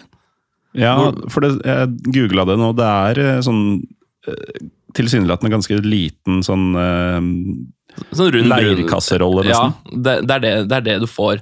Og så får du den servert, og så tenker du pss, hun, altså 90 kilo meg, det, den klarer jeg å gulve nedpå. Og så er du halvveis inni, og så er du stappmett. Mm. Ehm, og så får du du, du får eh, du får Du får en variant med både Altså du får den med pølse, og så får du også den med bacon. Ja, Så den er i utgangspunktet vegetarisk, men du kan få den med Ja, diverse ja, så den originale er jo vegetarisk, men, eh, men du, du kan få da servert med pølse eller, eller bacon ved siden av. Og nå har jeg funnet ut hvorfor den tradisjonelt er uten kjøtt. Eh, Det er fordi eh, man har eh, historisk sett servert det på fredager hjemme. Og det er en dag hvor ortodokse kristne da avsto fra å spise kjøtt. Oi! Mm. Men nå er det mer sånn at det kan serveres når som helst, og du kan spe på med litt. Spe på litt. Mm. Men ja, det var det, Sånne fun facts liker jeg, da. Ja.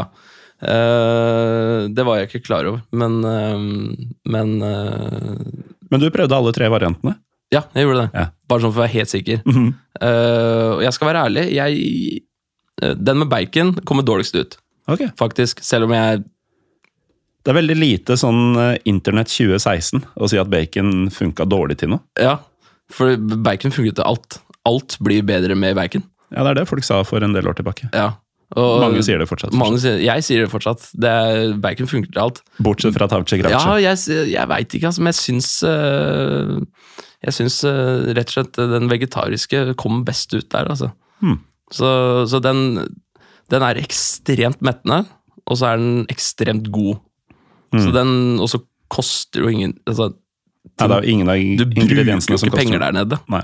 Så det er jo bare å, det er jo bare å kjøre på. Mhm. Fikk du noe forhold til folket der? Opplevde du noe gjestfrihet eller Ja, ja. hat, eller Nei. Uh, igjen, da, nå høres det ut som jeg sleiker ræva til, til denne podkasten her, men, uh, men jeg visste jo på forhånd at eh, øl der nede heter Pivo. mm. Uh, så jeg måtte prøve å gå med en T-skjorte. Med Pyro Pivo på. Ja, For du er en av få som har kjøpt merch på privaten av meg. uh, rett og slett bare for å se om det er noen som reagerer. Mm. Uh, det var faktisk et par stykker som, uh, som ja, leste og skjønte at eh, skjønte, De skjønte hva som sto der. Ja. Men Nei, folka der nede er ekstremt hyggelige. Og det, det tror jeg ikke bare er fordi vi er turister. Altså, De ser deg turister, og så måtte, gjør de seg til bare sånn at de skal få mer penger ut av deg. De er genuint hyggelige. Uh, følte deg trygg, du følte deg velkommen. Du, han, han vi leide leilighet hos, han eh, eh, altså Det var sånn det er Ikke noe problem, jeg kan kjøre deg inn til byen. ikke sant? Eh, det, er liksom, det, var, det var null stress. Folk var veldig velkomne. Ja. Men det er fint. Og man kom langt med engelsk, Ja. tipper jeg. Alle Merkelig godt engelsknivå på mange av de um, gamle jugoslaviske landene. Ja, det, vi, vi sleit vi, vi sleit ikke i det hele tatt med, med, med, med, med, med språket. Vi, vi kjørte på med engelsk, og alle, alle prata Spesielt de unge, da. Eh, altså ung, ung er jo relativt, men hvis du sier 25 og nedover, eh, så var det jo Der var det jo null stress, og opp i åra også, så det, det, det gikk på engelsk. Ja. Det var ikke noe sånn at du måtte fram med Google Translate eller eller, eller lignende. Så Nei, jeg, jeg, jeg likte meg kjempegodt, og så er det jo Du får Fordi den innsjøen er så enormt stor, så får du jo, selv om det er Altså, Nord-Makedonia er jo landlocked, som det heter. Altså, de har jo ikke kyst. Uh, men du får allikevel den derre å ligge på stranda ved havet-følelsen. Ja, Ja, fordi det er så svært der. ikke sant. Um, men du, eh, selv om du koste deg i Nord-Makedonia, så måtte du en dagstur ut av landet. For du hadde ikke sett eh, nok fotball. Og bare sånn for å eh, legge, legge på plass forutsetningene her, da. Du er på familieferie. Dere er på sånn avslappende strandtur, egentlig. Det er jo en slags sydentur, selv om det er um, innland. Ja. Du skal da overbevise familien om at uh, kan vi ikke ta bilen over til eh, Elbasan i Albania en tur? Fordi der er det en kamp av mer eller mindre samme slag som vi var på her om dagen. Som folk dere nesten daua av. eh, som jeg vil på. Var de fornøyd med den planen, eller? Eh, nei, Nei. det var det ikke. Men du fikk det til. Jeg, jeg fikk det til. Jeg, jeg syns det er helt sjukt. Eh, og altså den, den dagen der er en av de rareste dagene jeg har vært eh, jeg, jeg har hatt mye rare dager eh, i mine 28 år eh, så langt, men den der er en av de mest spesielle.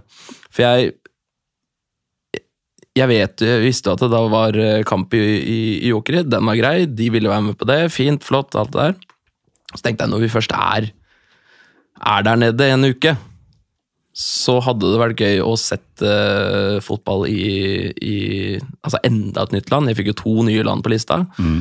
Eh, og tenkte at en to times kjøretur over grensa og inn i, inn i Albania der for å, for å se Conference League, eh, det må jo være Det, må jeg prøve å få til.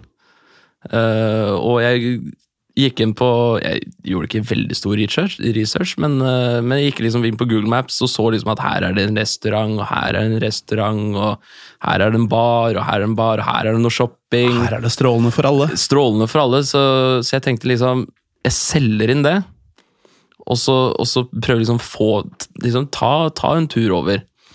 Eh, få med hele fammen på det der. De blei med. Eh, så vi stappa, stappa fem stykker inn i en sånn uh, kjempeliten Toyota og, og, og, og dundra over. Jo, den ene tingen jeg solgte inn, var jo at på den albanske delen av Okridsjøen, så har de jo en by som heter heter den, da? Eh, Po, Podrasjek, eller noe sånt. Eh, garantert feil uttale der også. Eh, som rett og slett er en sånn Altså hvis du reiser dit om ti år, så er det en veldig turistifisert altså strandperle. Ok. Ja. Men den, den var under oppussing. Hele byen? Hele byen. Så de, de, de, de gjorde det klart til uh, storinnrykk av, av turisme. Men uh, altså, veldig, veldig lang strand, veldig fin strand uh, og, og sånne ting. Og rett og slett uh, tenkte at ja, men da, da kan vi liksom kjøre en halv dag der, da. Mm. Ikke sant? Så får, liksom, får vi liksom sol og strand og, og, og sånne ting også. Uh, og resten av familien blei med på det. Og brukte en halv dag i denne strandbyen. Det, det jeg syns eh, Det jeg syns er litt spesielt, er at eh, når du skal over grensa, Mm.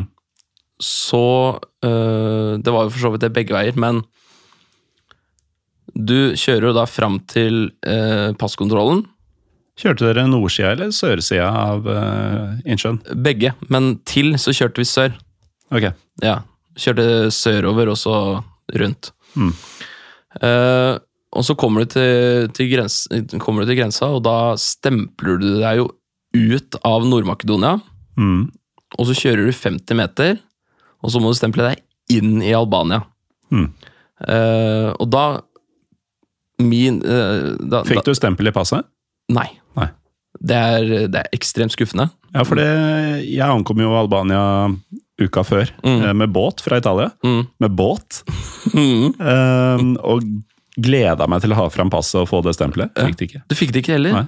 Jeg syns det er skikkelig skuffende. Det er Ja. ekstremt undervurdert å få det der stempelet. i passet. Først nå innser jeg at digitaliseringa har gått for langt. Mm. Ja, jeg, jeg klink enig med det. Mm. Det må, må ha med stempel i passet. Ja.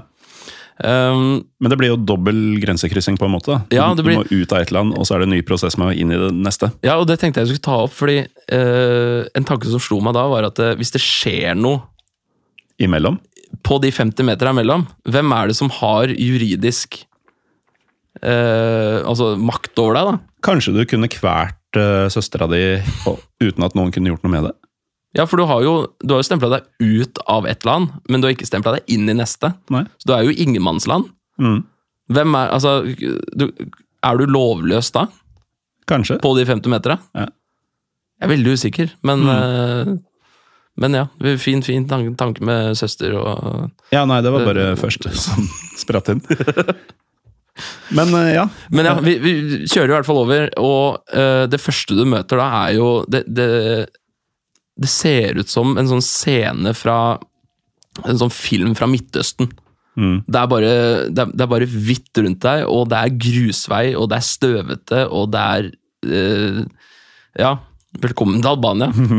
uh, og vi kommer i hvert fall inn til den byen. Uh, god stemning, sol, bad uh, og alt sånne ting. Og så kjører vi da videre inn i landet, til da El Basan. Mm. Eh, og jeg hadde jo haussa opp den byen på forhånd.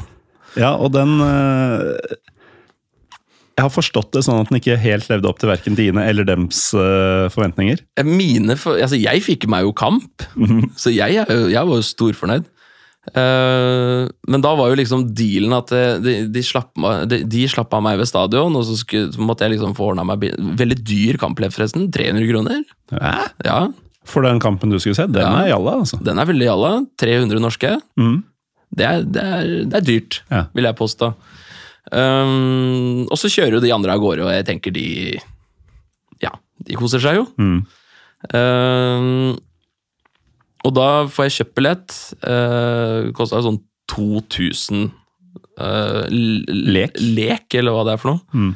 Uh, fikk meg papirbillett, som er veldig undervurdert. Uh, og og går, uh, går bort til inngangen, da Da er det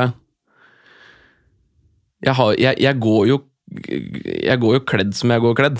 Altså, altså jeg, har på meg de klær jeg har på meg, uh, og, og Hva, hva betyr det? Nei, jeg, jeg, Jeg antar at det var altså, shorts og T-skjorte? Ja, veldig mørke klær. Mm. Uh, men det sto veldig mye vakter der, og så var de veldig harde på, altså i starten på den eh, Altså, de var veldig sinte. eh, veldig sånn eh, grundig visitasjon i starten. Liksom nedover beina og opp i, altså i, i skrittet, og var, liksom, tok det veldig seriøst. Og så spør han ene vakta litt sånn tilfeldig, for han, han skjønner at jeg ikke forstår hva de sier. Ja. Fordi eh, altså, jeg, jeg hadde ikke forstått uansett om jeg var i Makedonia eller Albania, men albansk er jo et veldig unikt språk. Mm. Uh, så jeg, men han skjønte at jeg ikke forsto hva de sa. Og da spør han hvor er du fra, og så sier jeg jeg er fra Norge. Og da endrer de helt holdning. Fra å liksom være veldig grundig og opp i pumpen og liksom uh, være veldig grundig, til å liksom bare Hei, hei, hei, slutt å visitere den. Og da var det blide og liksom fram med smil og liksom Ja, vær så god, kom inn, kos deg. og Det var, det var en sånn rar opplevelse. Jeg vet ikke hvorfor de gjorde det, om de skulle Om jeg skulle ha Altså, han her må dra herfra med et godt inntrykk, eller jeg veit da søren. Eh, kommer inn på stadion der, og den uh, Den minner meg veldig om Bislett. Dette er jo da mest sannsynlig, med mindre de har flere store europastandardstadioner i Elbasan, eh, så er det her landslaget til Albania spilte før eh, Arena Kompetare i, i eh, Tirana sto klart for Ja. noen år siden. Og dette er jo også en kamp som, hvor hjemmelaget måtte flytte kampen sin til eh, til, til for, for, Ja, for du skulle se KF Egnatia. Ja, og de er, jo, de er jo ikke derfra, de er jo enda lenger vest. Tre kvarter med bil, ifølge Google. Ja. En by som heter Litt sør for Tirana. Rogozine. Ja, Litt sør for Tirana, stemmer ikke det? Jo, eh, også da i, eh, fra fylket eh, Tirane. Ja. Eh, som da ikke er samme fylke engang, som de da endte med å spille kampen i. ja, Så jeg syns det er rart at de ikke bare flytta den til Tirana. Det, Ja, for- faktisk. Men der gikk jo alle andre kamper i de ukene, så kan, ja.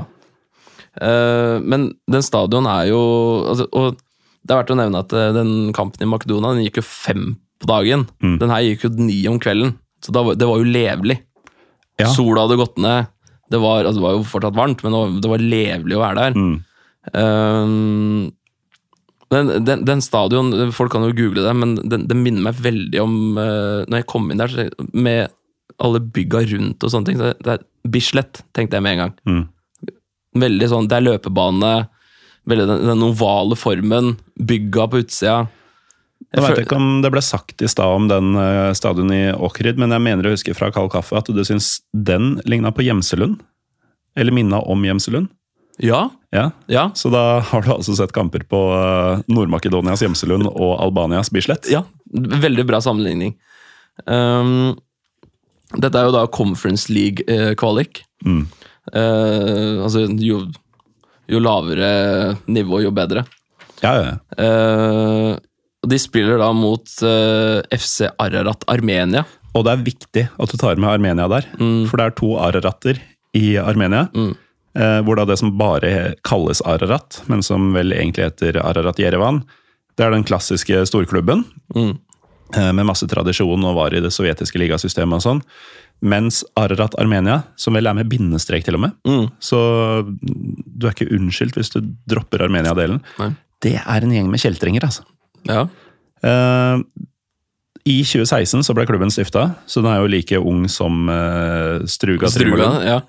uh, men da het de FC Avan Academy. Men fra 2018 så har de blitt eid av en Samvel Karapetyan. Som er en armensk-sovjetisk eh, skal vi si forretningsmann, i anførselstegn. Stilt sagt. sagt. Ja, han, han kjøpte dem i 2018 og døpte dem om til Ararat Moskva, Oi. av alle ting. Så de spilte, så vidt jeg har skjønt, én sesong eh, som Ararat Moskva i det armenske ligasystemet. Eh, Rykka opp og ble da til Ararat Armenia med bindestrek. Og denne mm, Karapetyan han er altså på eh, skal vi si Putin-lista til USA over eh, russiske forretningsfolk som man ikke skal, eh, som man skal Gjøre med, og- ja. Mm. Så han har jo feil venner, for å si det sånn. Mm. Og jeg vet ikke hvor godt du kjenner til Nagorno-Karabakh-konflikten mellom Armenia og Aserbajdsjan. men den har vært betent siden Sovjetunionen gikk i oppløsning. Kan jo ta dette med en klype salt, men Aserbajdsjan, myndighetene deres, eh, hevder at denne Samuel Karapetyan har drevet våpensmugling i Nagorno-Karabakh for å hjelpe armenerne der. Ja. Dette er da eieren av uh, Dette er eieren av fotballklubben. Ararat Armenia. Mm. Ja, så den, eh, de som skal til Armenia, som jeg oppmuntrer alle til å dra, eh, se noen andre enn Ararat Armenia. Ja. Se for eksempel Ararat. For eksempel Ararat. Jeg syns også det er veldig spesielt å kalle liksom altså, sam, skal, Hvordan skal du sammenligne det i Norge? Altså Gallepiggen Norge? FC? Eh, Eller FK? Nei, eller hva Kebnekaise Norge, kanskje? da? Fordi Ararat er Ja, jo ja, faktisk, det- det, det er ligger jo jo faktisk i Tyrkia. Det- ja, dagens faktisk. Tyrkia. Selv om det er nasjonalsymbolet til armenerne. Noe som er veldig spesielt, Ja. vil jeg påstå. Men nå er det jo Albania eh, og Egnatia og din opplevelse av kamp i Albania som det skal handle om her. Det er det det skal handle om. Um, det er uh, uh, Fansen der er lik som, som, som i Makedonia. Veldig mye sånn sittende. Mm.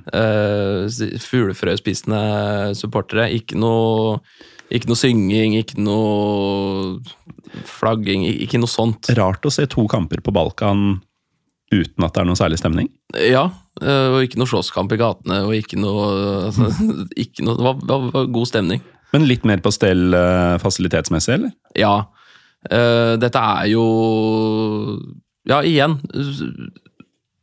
Google det, men, men sånn, eh, de som har vært på Bislett, det er veldig sånn eh, Altså det, det bærer jo preg av eh, Altså At det, det, det er veldig det er, det er mye betong, det er, mye, altså, det er jo slitent, men det var jo utvilsomt mye høyere, høyere standard enn en kampen i Åkerid.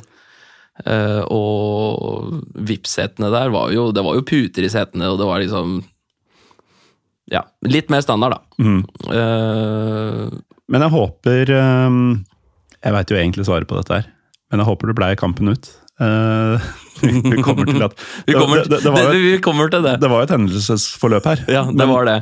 Men jeg, jeg, jeg, har lyst til å ta, til å ta bortfansen. Ja. Fordi de, det var jo bortefans. Ja, sikkert noen arbeidere og sekretærer og sånn foran eh, gangsteren som er i klubben. Ja, jeg er litt usikker. Det var fire bortesupportere eh, som hadde med seg den største tromma jeg har sett. Fire mann. Fire mann. Eh, de måtte, jeg lurer på om alle fire måtte bære den tromma inn. den var så svær. Eh, og de, de sto der og sang eh, Ararat, Armenia, og så slo de på tromma i 90 minutter. Ja. Som var litt slitsomt å høre på, men ba, bare det at de Den tromma der har de ikke tatt med seg på fly, Nei. så de har kjørt ned. Er jeg overbevist om. Mm. Så de det, det er fire stykk fra Armenia som har satt seg i bilen, pakka tromma og kjørt ned til Albania. Det kan de nesten ikke ha gjort, faktisk. Tror du ikke det? Nei, fordi da må de enten ha kjørt gjennom uh, Ukraina eller Tyrkia. Og um, Tyrkia kommer jo ikke armenere inn i, uh, mer eller mindre.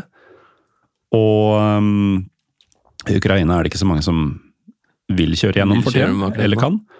Så det må være noen lokale, da, eller? De hadde jo Ja. på seg drakter og alt. Om de ikke har fått den der tromma inn i privatjetten til uh, Karapetyan. da. Ja, blitt flydd ned av han, bare for at det skal være noe supert. Det kan godt hende. Jeg, jeg har ikke fasiten her, men jeg bare syns det var imponerende størrelse på den tromma. Ehm, men det har jo seg slik at ehm, kampen ender jo 2-2, Mm. og det var 0-0 i første oppgjøret. Ja, og bortemål, det fant Uefa ut at det er ikke noe lenger. Det skal man jo ikke ha lenger, så, så da er det jo duka for ekstraomganger. Mm. Og idet dommeren blåser av eh, andre omgangen, så ringer telefonen. Og da er klokka elleve på Da er kvelden. klokka 11 på, da er klokka 11 på kvelden. Eh, og da er det veldig tydelig eh, at eh, de andre i reisefølget, de har sittet og sett på klokka. og mm, ja, nå er kampen ferdig, nå ringer vi. Uh, og da, da er det min far som ringer og, og spør er kampen ferdig, og jeg sier ja. Den er, uh, de blåste akkurat, men det ble 2-2, og det ble ekstraomganger, så det er i hvert fall en halvtime til.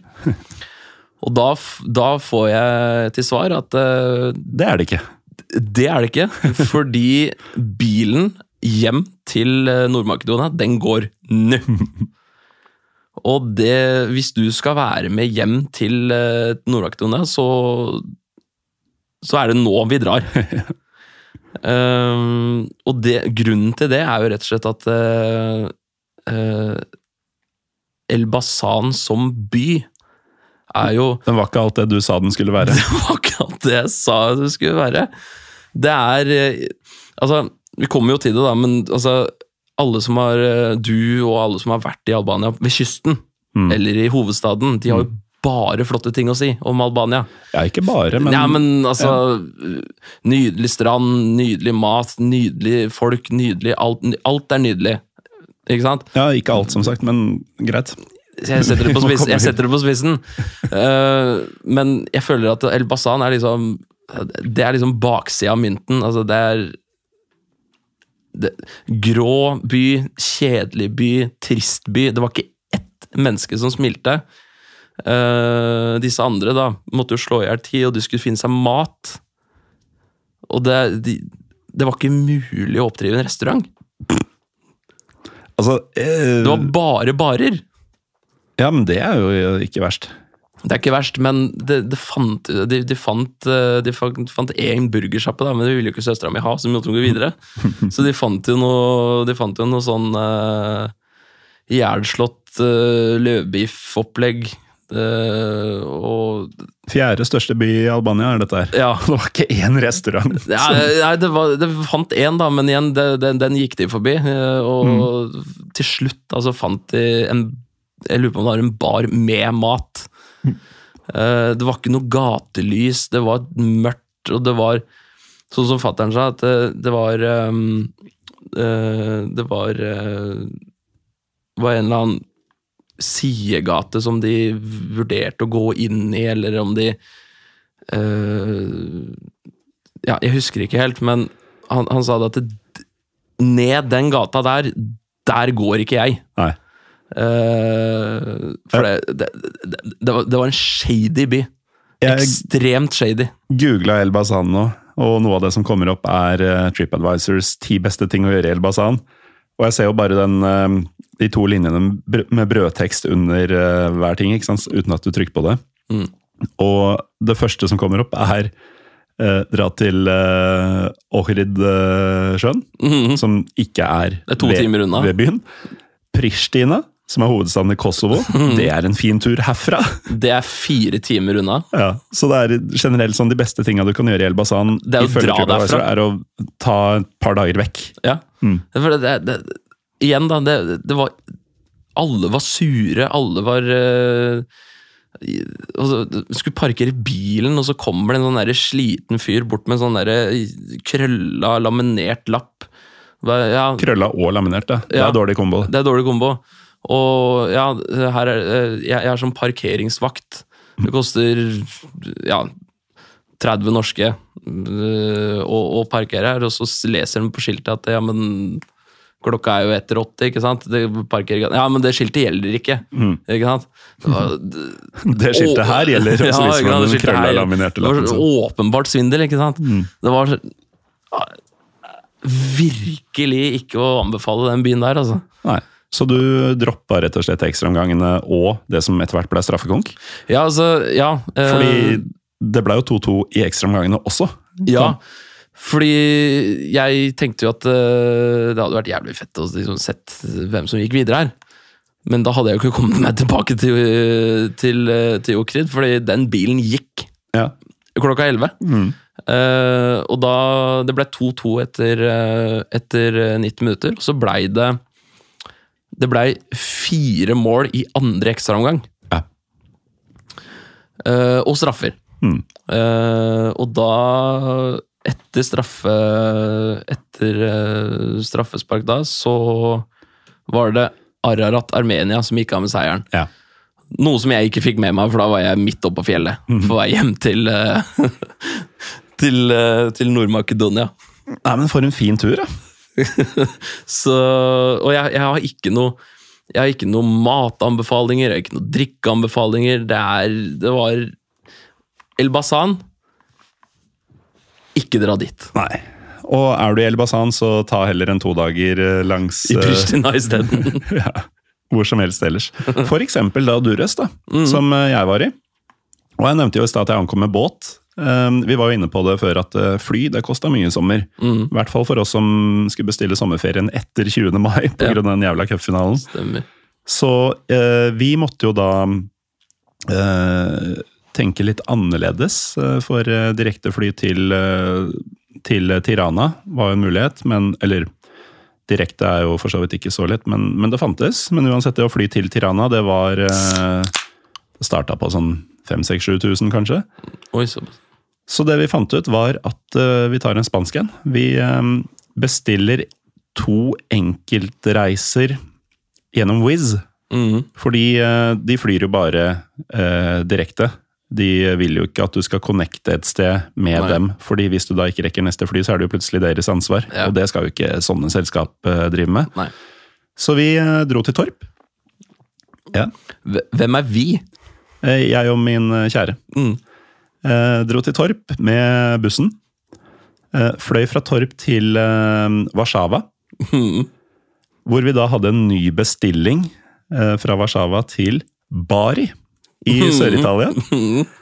Eh, fordi dette var jo da en pakke som kom på vesentlig mindre enn en ordentlig måte å reise til Det er, eh, det er reise det er, det er sånn jeg liker å reise. Ja, men det var kjempeskummelt, fordi eh, som sagt, Wizz hadde null ansvar for oss dersom vi ikke rakk den Neste. neste, neste flyvninga. Eh, og, og det var for så vidt greit. Vi, vi hadde en time og et kvarter eller noe sånt i utgangspunktet, og vi kom oss av gårde fra Torp.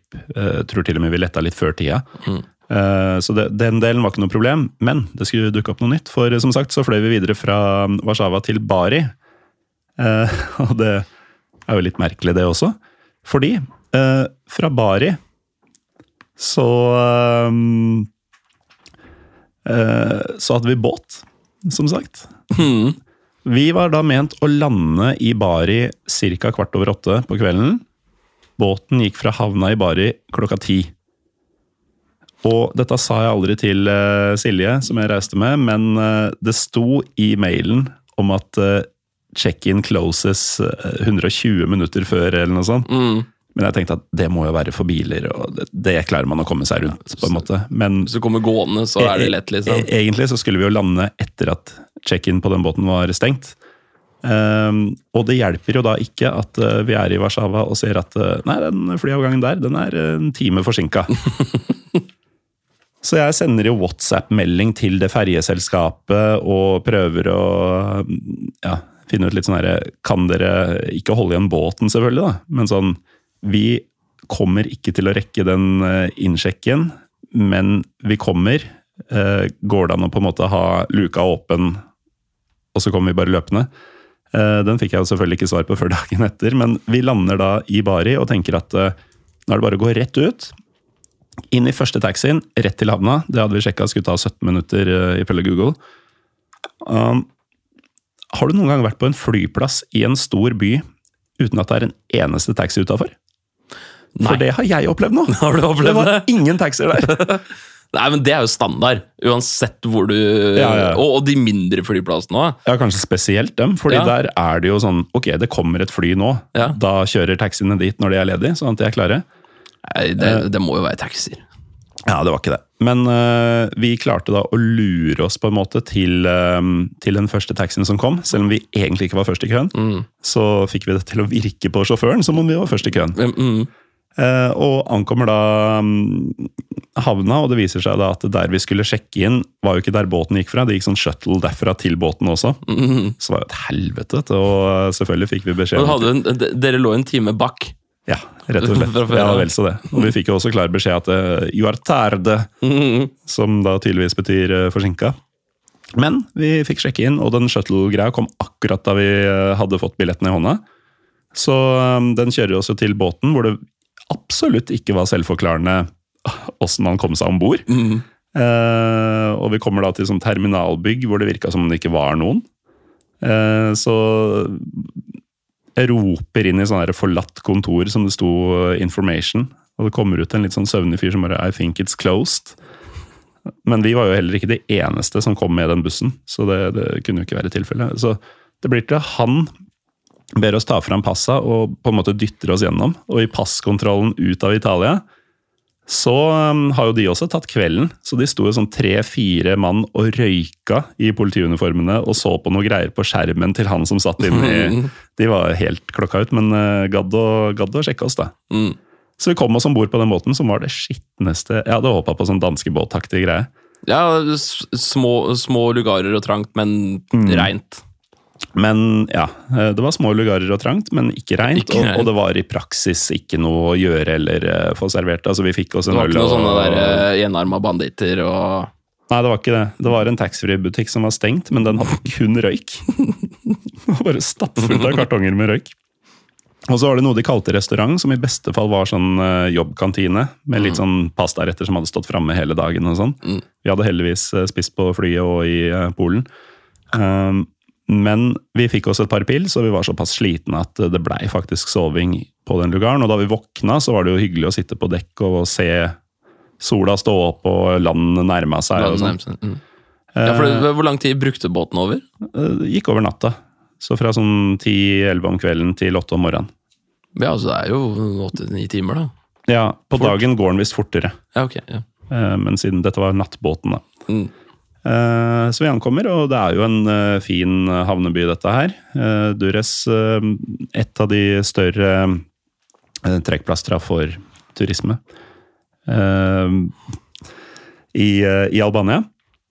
Og i horisonten så ser vi jo eh, fjell og kyst, og det, det ser jo helt eh, strålende ut. Eh, også en del eh, ganske nymotens bygg sånn ut mot eh, havet, eh, som man nesten bare må regne med, vel. Mm. Men eh, vi ankommer jo da ganske tidlig på morgenen, og får jo da ikke sjekka inn før utpå dagen. Så det blir jo rett og slett å finne et sted å skifte, kjøpe strandhåndklær og finne stranda. Og um, vi bodde jo, viste det seg, fem minutter fra stranda, så det var jo veldig grei måte å tilbringe formiddagen på.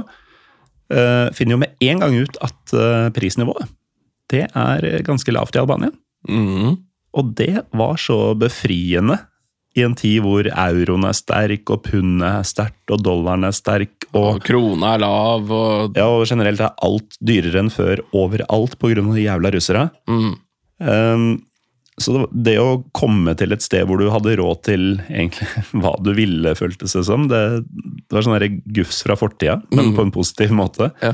Og fortida den, den står jo for så vidt sterkt i disse landene. Jeg veit ikke om du merka det i Nord-Makedonia, men det Albania, selv Dures, da, som er Det er jo samme kysten som eh, Kroatia har litt lenger nord, og som grekerne har litt lenger sør.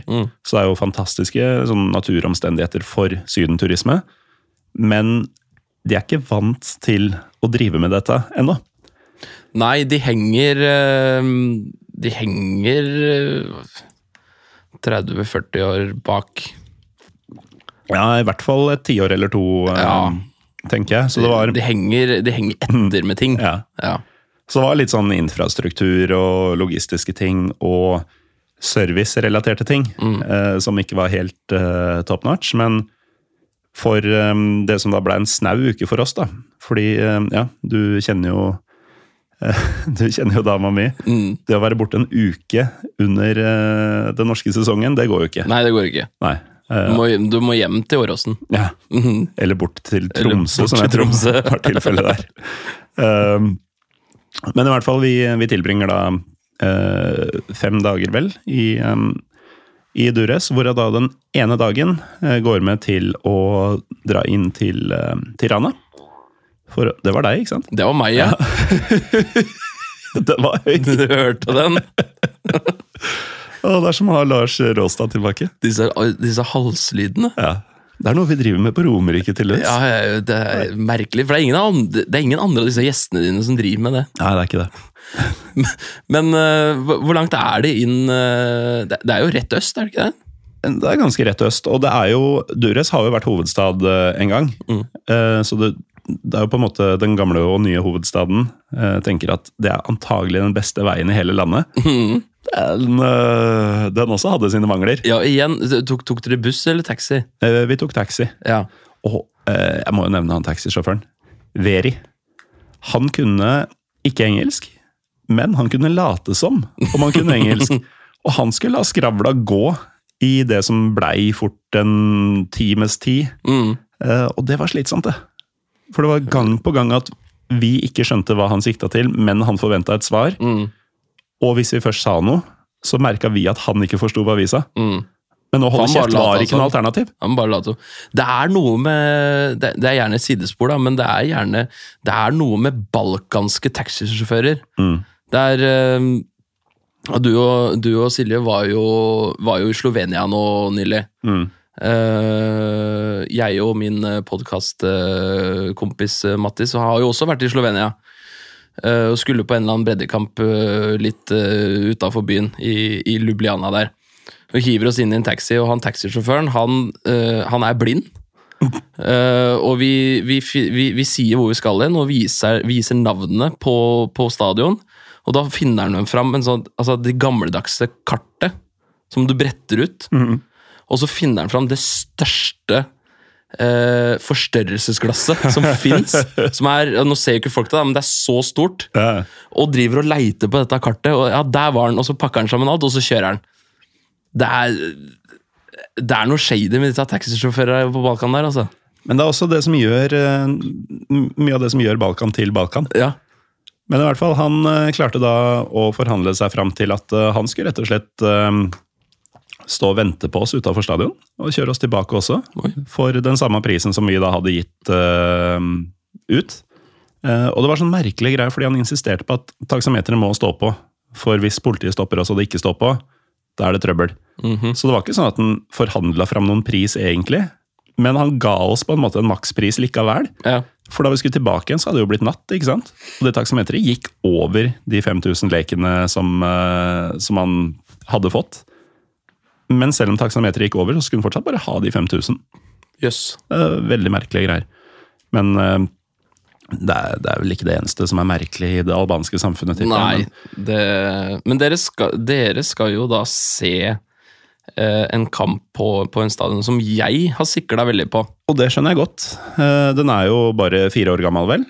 Eh, Arena Kombetare, nye nasjonalanlegget i eh, Albania. De har nå landslaget flytta fra ditt eh, Bislett i Elbasan til dette her. Har jo nå faktisk bastardisert navnet. Jeg syns jo Arena Kombe- Kombetare høres så jævlig fett ut, fordi jeg antar at Kombetare har noe med combat å gjøre. Ja, ja. At det er litt sånn tvekamp-arena. Ja, Men offisielt heter det jo nå Air Albania Stadium. ja, og det Og, og det er første og siste gang forhåpentligvis i mitt liv at jeg syns et navn med arena høres bedre ut enn stadium. Ja, ja den, den, den kan jeg kjøpe. Mm. Fordi Air Albania Stadium, det høres veldig eh, 2023 ut. Veldig. Ja.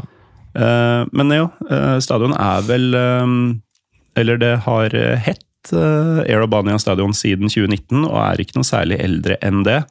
Uh, husker ikke i farta når det Jo, det ble åpna i 2019, ja. Men det er i Nå, nå, jeg spoler fram her, men det der, i det ene hjørnet der, det er hotell. Ja, En del av stadionbygget er et Marriott-hotell. Ja. Og i det hele tatt, uh, utsida av stadion Det er nesten så du ikke skjønner at det er stadion. For du har det derre høyblokkdelen sånn som som er hotellet, og så er det masse restauranter og barer og sånn utad. Mm. Uh, og ligger i det hele tatt i et sånn derre um, kvartal som er veldig tydelig nybygd, da. Uh, litt Mm. som om du hadde bygd et stadion i Da man bygde Bjørvika og Sørenga ordentlig, Ja. og man hadde bygd inn et stadion i eh, noen av de der Barcode-bygningene eller noe Ja, sånt. Litt sånn det føles. Mm. Eh, så veldig rart, og det var også rart på innsida, men ganske fett. ja, den ser helt krem ut. Der skulle vi i hvert fall se um, Partisani fra Tirana mot uh, Bate fra Borisov. Bate Borisov, Ja, Borisov Automobil and Traktor Electronics, Mhm. som det står for. Faktisk andre gang jeg ser Bate spille fotball. Ja, for det, det, det, det sa du. Ja, det er kjemperart. Ja. Andre, for, for du har sett dem på hjemmebane også? Ja, for eh, jeg var jo i, um, i det som den gang het Hviterussland, i, um, i 2018. Høsten 2018, fem år siden i disse dager. sammen med vår venn Stefan og min venn Heine. Mm.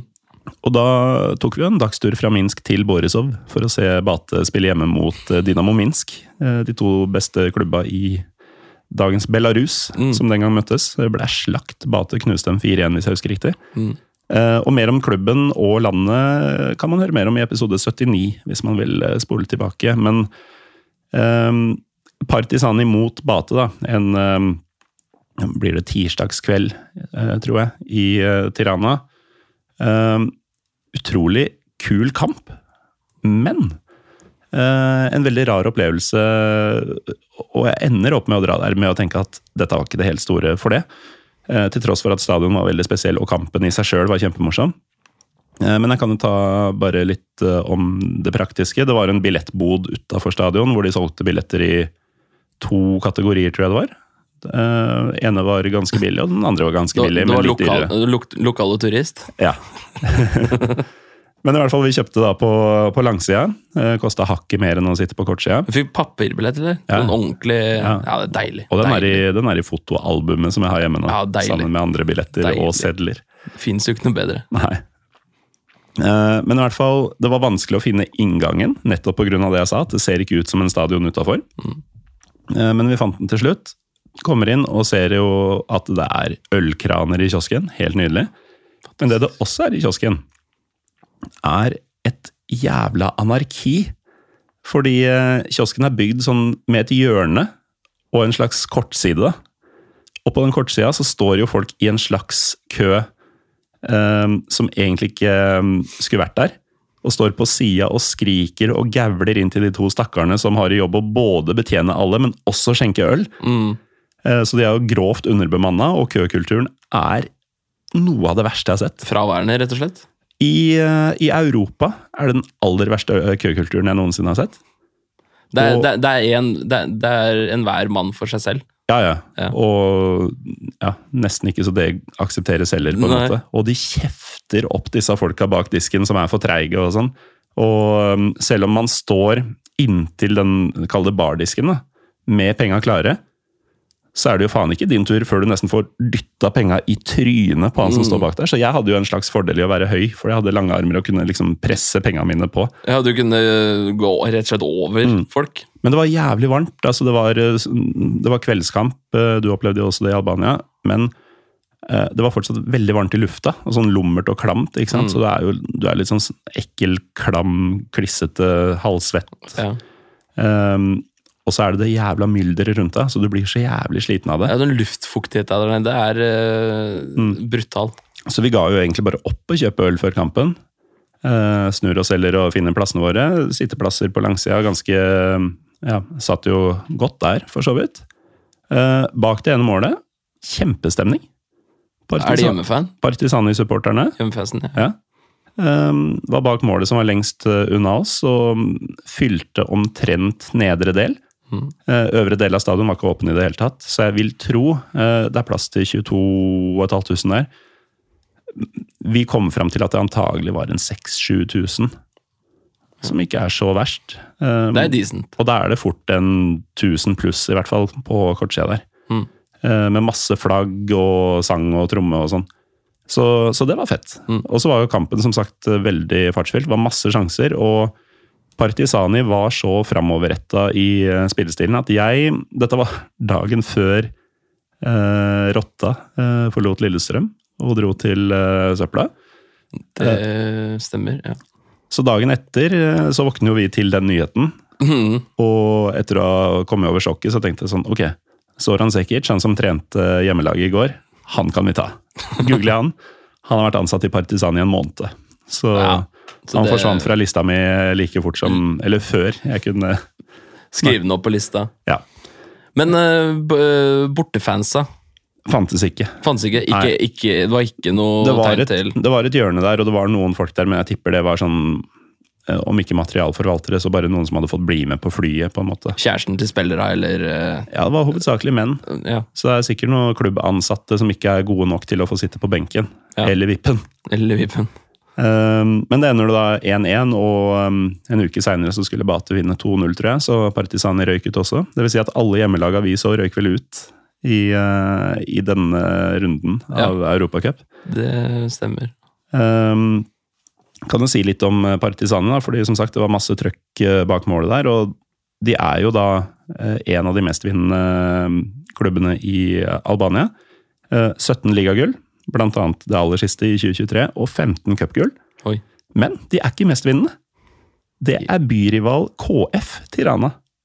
Så det er et derby man burde sette opp på radaren sin, tror Ja, den må, den, den må man jo sjekke ut. Mm. Og disse gutta bak målet, i hvert fall en av gruppene der som uh, betyr noe, heter Ultras Gerils. Og igjen uh, gerilja uh, Ger, altså franske ordet for uh, krig. De høres ganske hardcore ut. Men Partisani, det må jo være noe relasjon til eh, De var hærens lag Ja. under kommuniststyret, akkurat som Partisan var i Beograd. Ja, det var, det, det var den Mm. linken jeg skulle fram til.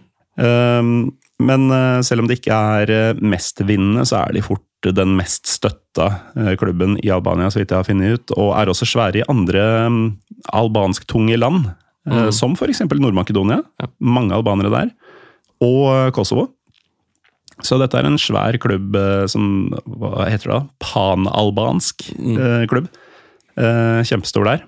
Og um, er også eneste albanske lag med internasjonal tittel. Og nå skal du få noen sekunder på å tenke deg om hva kan det være. De, de vant den i 1970. Og det er vel ikke en turnering man har hørt om, eh, eller som eksisterer i dag, så vidt jeg vet. Men det er det mest pyro pivo turneringsnavnet jeg noensinne har hørt. Ja, for altså Min hjerne da, ikke sant, utelukker Champions League, Europa League, Conference League. ikke sant, Det er Ja, for sånn, mm. uh, og så går jo hjernen min da over til uh, Jeg kan si at den er mer uh, regional. Ja, ikke sant, så går jo hjernen min over til Royal League. Den eksisterer jo ikke, men det er jo ikke, stemmer jo ikke. Og så inn til Tortocupen. Mm. Den er jo ganske Men den er heller ikke regional. Nei, den er ikke regional heller. Da sliter jeg etter det, altså. I 1970 så vant FK Partisani fra Tirana Balkancup. Og jeg tenker at det er et bra sted å avslutte fotballdelen av dagens episode. Ja. Um, og da har vi egentlig bare oppsummeringa igjen. Um, jeg uh, syns at uh, folk bør dra til Albania hvis de ikke har vært der før. Jeg hører gode ting om Tirana som uh, storbyferie. Det prøvde vi ikke, vi var bare rett inn og ut på kampdag. Men Dures funka som en sydendestinasjon. Um, flotte strender, masse steder å spise og drikke. Lave priser, god mat, uh, veldig italienskinspirert. Um, Venetianerne har jo styrt der eh, i gamle dager, og sånn, så det var masse pasta og pizza, men også veldig mye sjømat. Mm. eh, For de som liker det. Ja, det er jo Ja, det, det er jo et Det er åpenbart at jeg må tilbake til uh, Albania, fordi jeg, jeg kan jo sterkt ikke anbefale å dra til Albania, av det inntrykket jeg har. Uh, men det Ja. Kjøre gjennom gamle, gamle kullgruver og, og slitne folk. Eh, det, det inspirerte meg ikke til å, til å dra tilbake, men det er jo åpenbart at eh, jeg har vært på feil side av landet. Mm. så det høres ut som, eh, det høres ut som vestsiden av Albania er å, er å anbefale å dra til. Ja, og det hevdes også at eh, lenger sør fra der vi var, eh, er det enda bedre. I hvert fall hvis eh, målet er å være på strand og sydenferie. Mm. Um, da har, du, da har du jo selvfølgelig også hele kysten i Kroatia. ikke sant? Den er jo en perle, ikke sant? Det- ja, den er nordover, riktignok. Ja, nordover, men altså, det, den delen av, eh, av eh, Europa Ja. er jo veldig undervurdert. Ja, så Du har jo et strekke der hvor kysten egentlig starter i Slovenia, men det er så liten flik at den prater man ikke om. Mm. Men, og Italia, for den saks skyld. da. Eh, Men du har da Kroatia, som veldig mange har fått et forhold til etter hvert. Både Dubrovnik og Split og mindre kjente steder. Um, Så kommer det en liten flik med Bosnia. Det gjør det. Bitte liten en, før. Kroatia fortsetter. Ja. Eh, Og så har du Montenegro, som også har begynt å dukke opp på radaren til nordmenn. Eh, Men jeg føler at Albania den, den er fortsatt litt sånn uoppdaga, selv om jeg kjenner jo ingen som ikke har vært i Albania i sommer. Det er helt sjukt. Nei, den kommer seg. Ja, Men- så den er på vei opp, men er vei opp. eh, det er nå eller aldri hvis du skal oppleve det prisnivået og sånn, tenker jeg. Ja. Um, og under der igjen har man jo Hellas, så det er jo Ja. Man trenger egentlig ikke å si noe for å selge inn uh, selv det geografiske rundt det. Nei, for alle, alle kjenner til perlen, perl, altså, hvor, perlene i Hellas, og alle kjenner til perlen i Kroatia. Albania ligger midt imellom, Nettopp. så det sier seg selv. Men selv om du ikke slår et slag for El Bazan i Albania, så høres det ut som du kan eh, anbefale eh, Nord-Makedonia. Ja, på, det, på det aller sterkeste. Det er, jeg har ingenting å utsette. Uh, igjen, da. Hvis du, hvis du hater saltvann, men liker uh, strandfølelsen, så er jo Åkersjøen en perle å dra til. Du slår meg som en fyr som hater saltvann. Ja, jeg, ja, jeg liker ikke det. Gå rundt med sånn eh, ja, salter på meg. Det Nei. Så det å bade i, bade i ferskvann, men ha havfølelsen, det er ekstremt undervurdert. Det å si salter i flertall Du er den første jeg har hørt si det siden tyrkisk-professoren min på Blindern for tolv år siden. Og han var gammel og skrøpelig, han. En av de første tyrkisktimene vi hadde, så um, lærte vi sånn veldig enkle sånn hvordan uh, ha flertallsendelse og sånn. Og da kom han med noen sånne eksempelsetninger, da. Hvorav et av dem var 'til mine salter'. Som jo er en setning du får bruk for noensinne. Nei. Nei. Nei. Det, det, det gjør det ikke. Ja, jeg er litt, eh, jeg er litt gammel. Jeg er litt gammel. Men jeg, jeg liker ikke det. Jeg liker ikke, jeg liker ikke å ha mye salt på kroppen. Jeg gjør ikke det. Bra. Eh, Ferskvann, det, det, det, setter, det kan jeg sette pris på. Litt kaldt. Jeg er ikke noe glad i å bade. Men, eh, så jeg bruker lang tid på, på å hoppe uti. Men eh, når du først kommer uti og i sjøen, da er det fantastisk. Ok. Mm. Eh, hvis noen nå eh, Fortsatt hører på. og skulle ønske å høre mer av deg, så eh, minner jeg om at du har en podkast som heter Kald kaffe, om eh, banehopping egentlig, men eh, som tar for seg en del annet også innimellom. Mm. Um, uansett om folk vil det eller ikke, så får vi si takk til deg, André Øyvåg, for at du var med her i dag. Tusen takk for at jeg ble invitert. Eh, takk også til deg som hører på, om du fortsatt gjør det. I så fall så veit du vel allerede at mitt navn er Morten Galaasen, og at vi er Pyro Pivopod på Twitter og Instagram. Jeg minner også på at du har en fantastisk mulighet til å gi meg penga dine på patrion.com slash pyropivopod uten å få noe som helst tilbake av eh, innhold eller klapp på skulderen eller noe sånt. Men eh, gjør du det, så er du en spesiell type gærning. Uansett så er vi tilbake neste uke.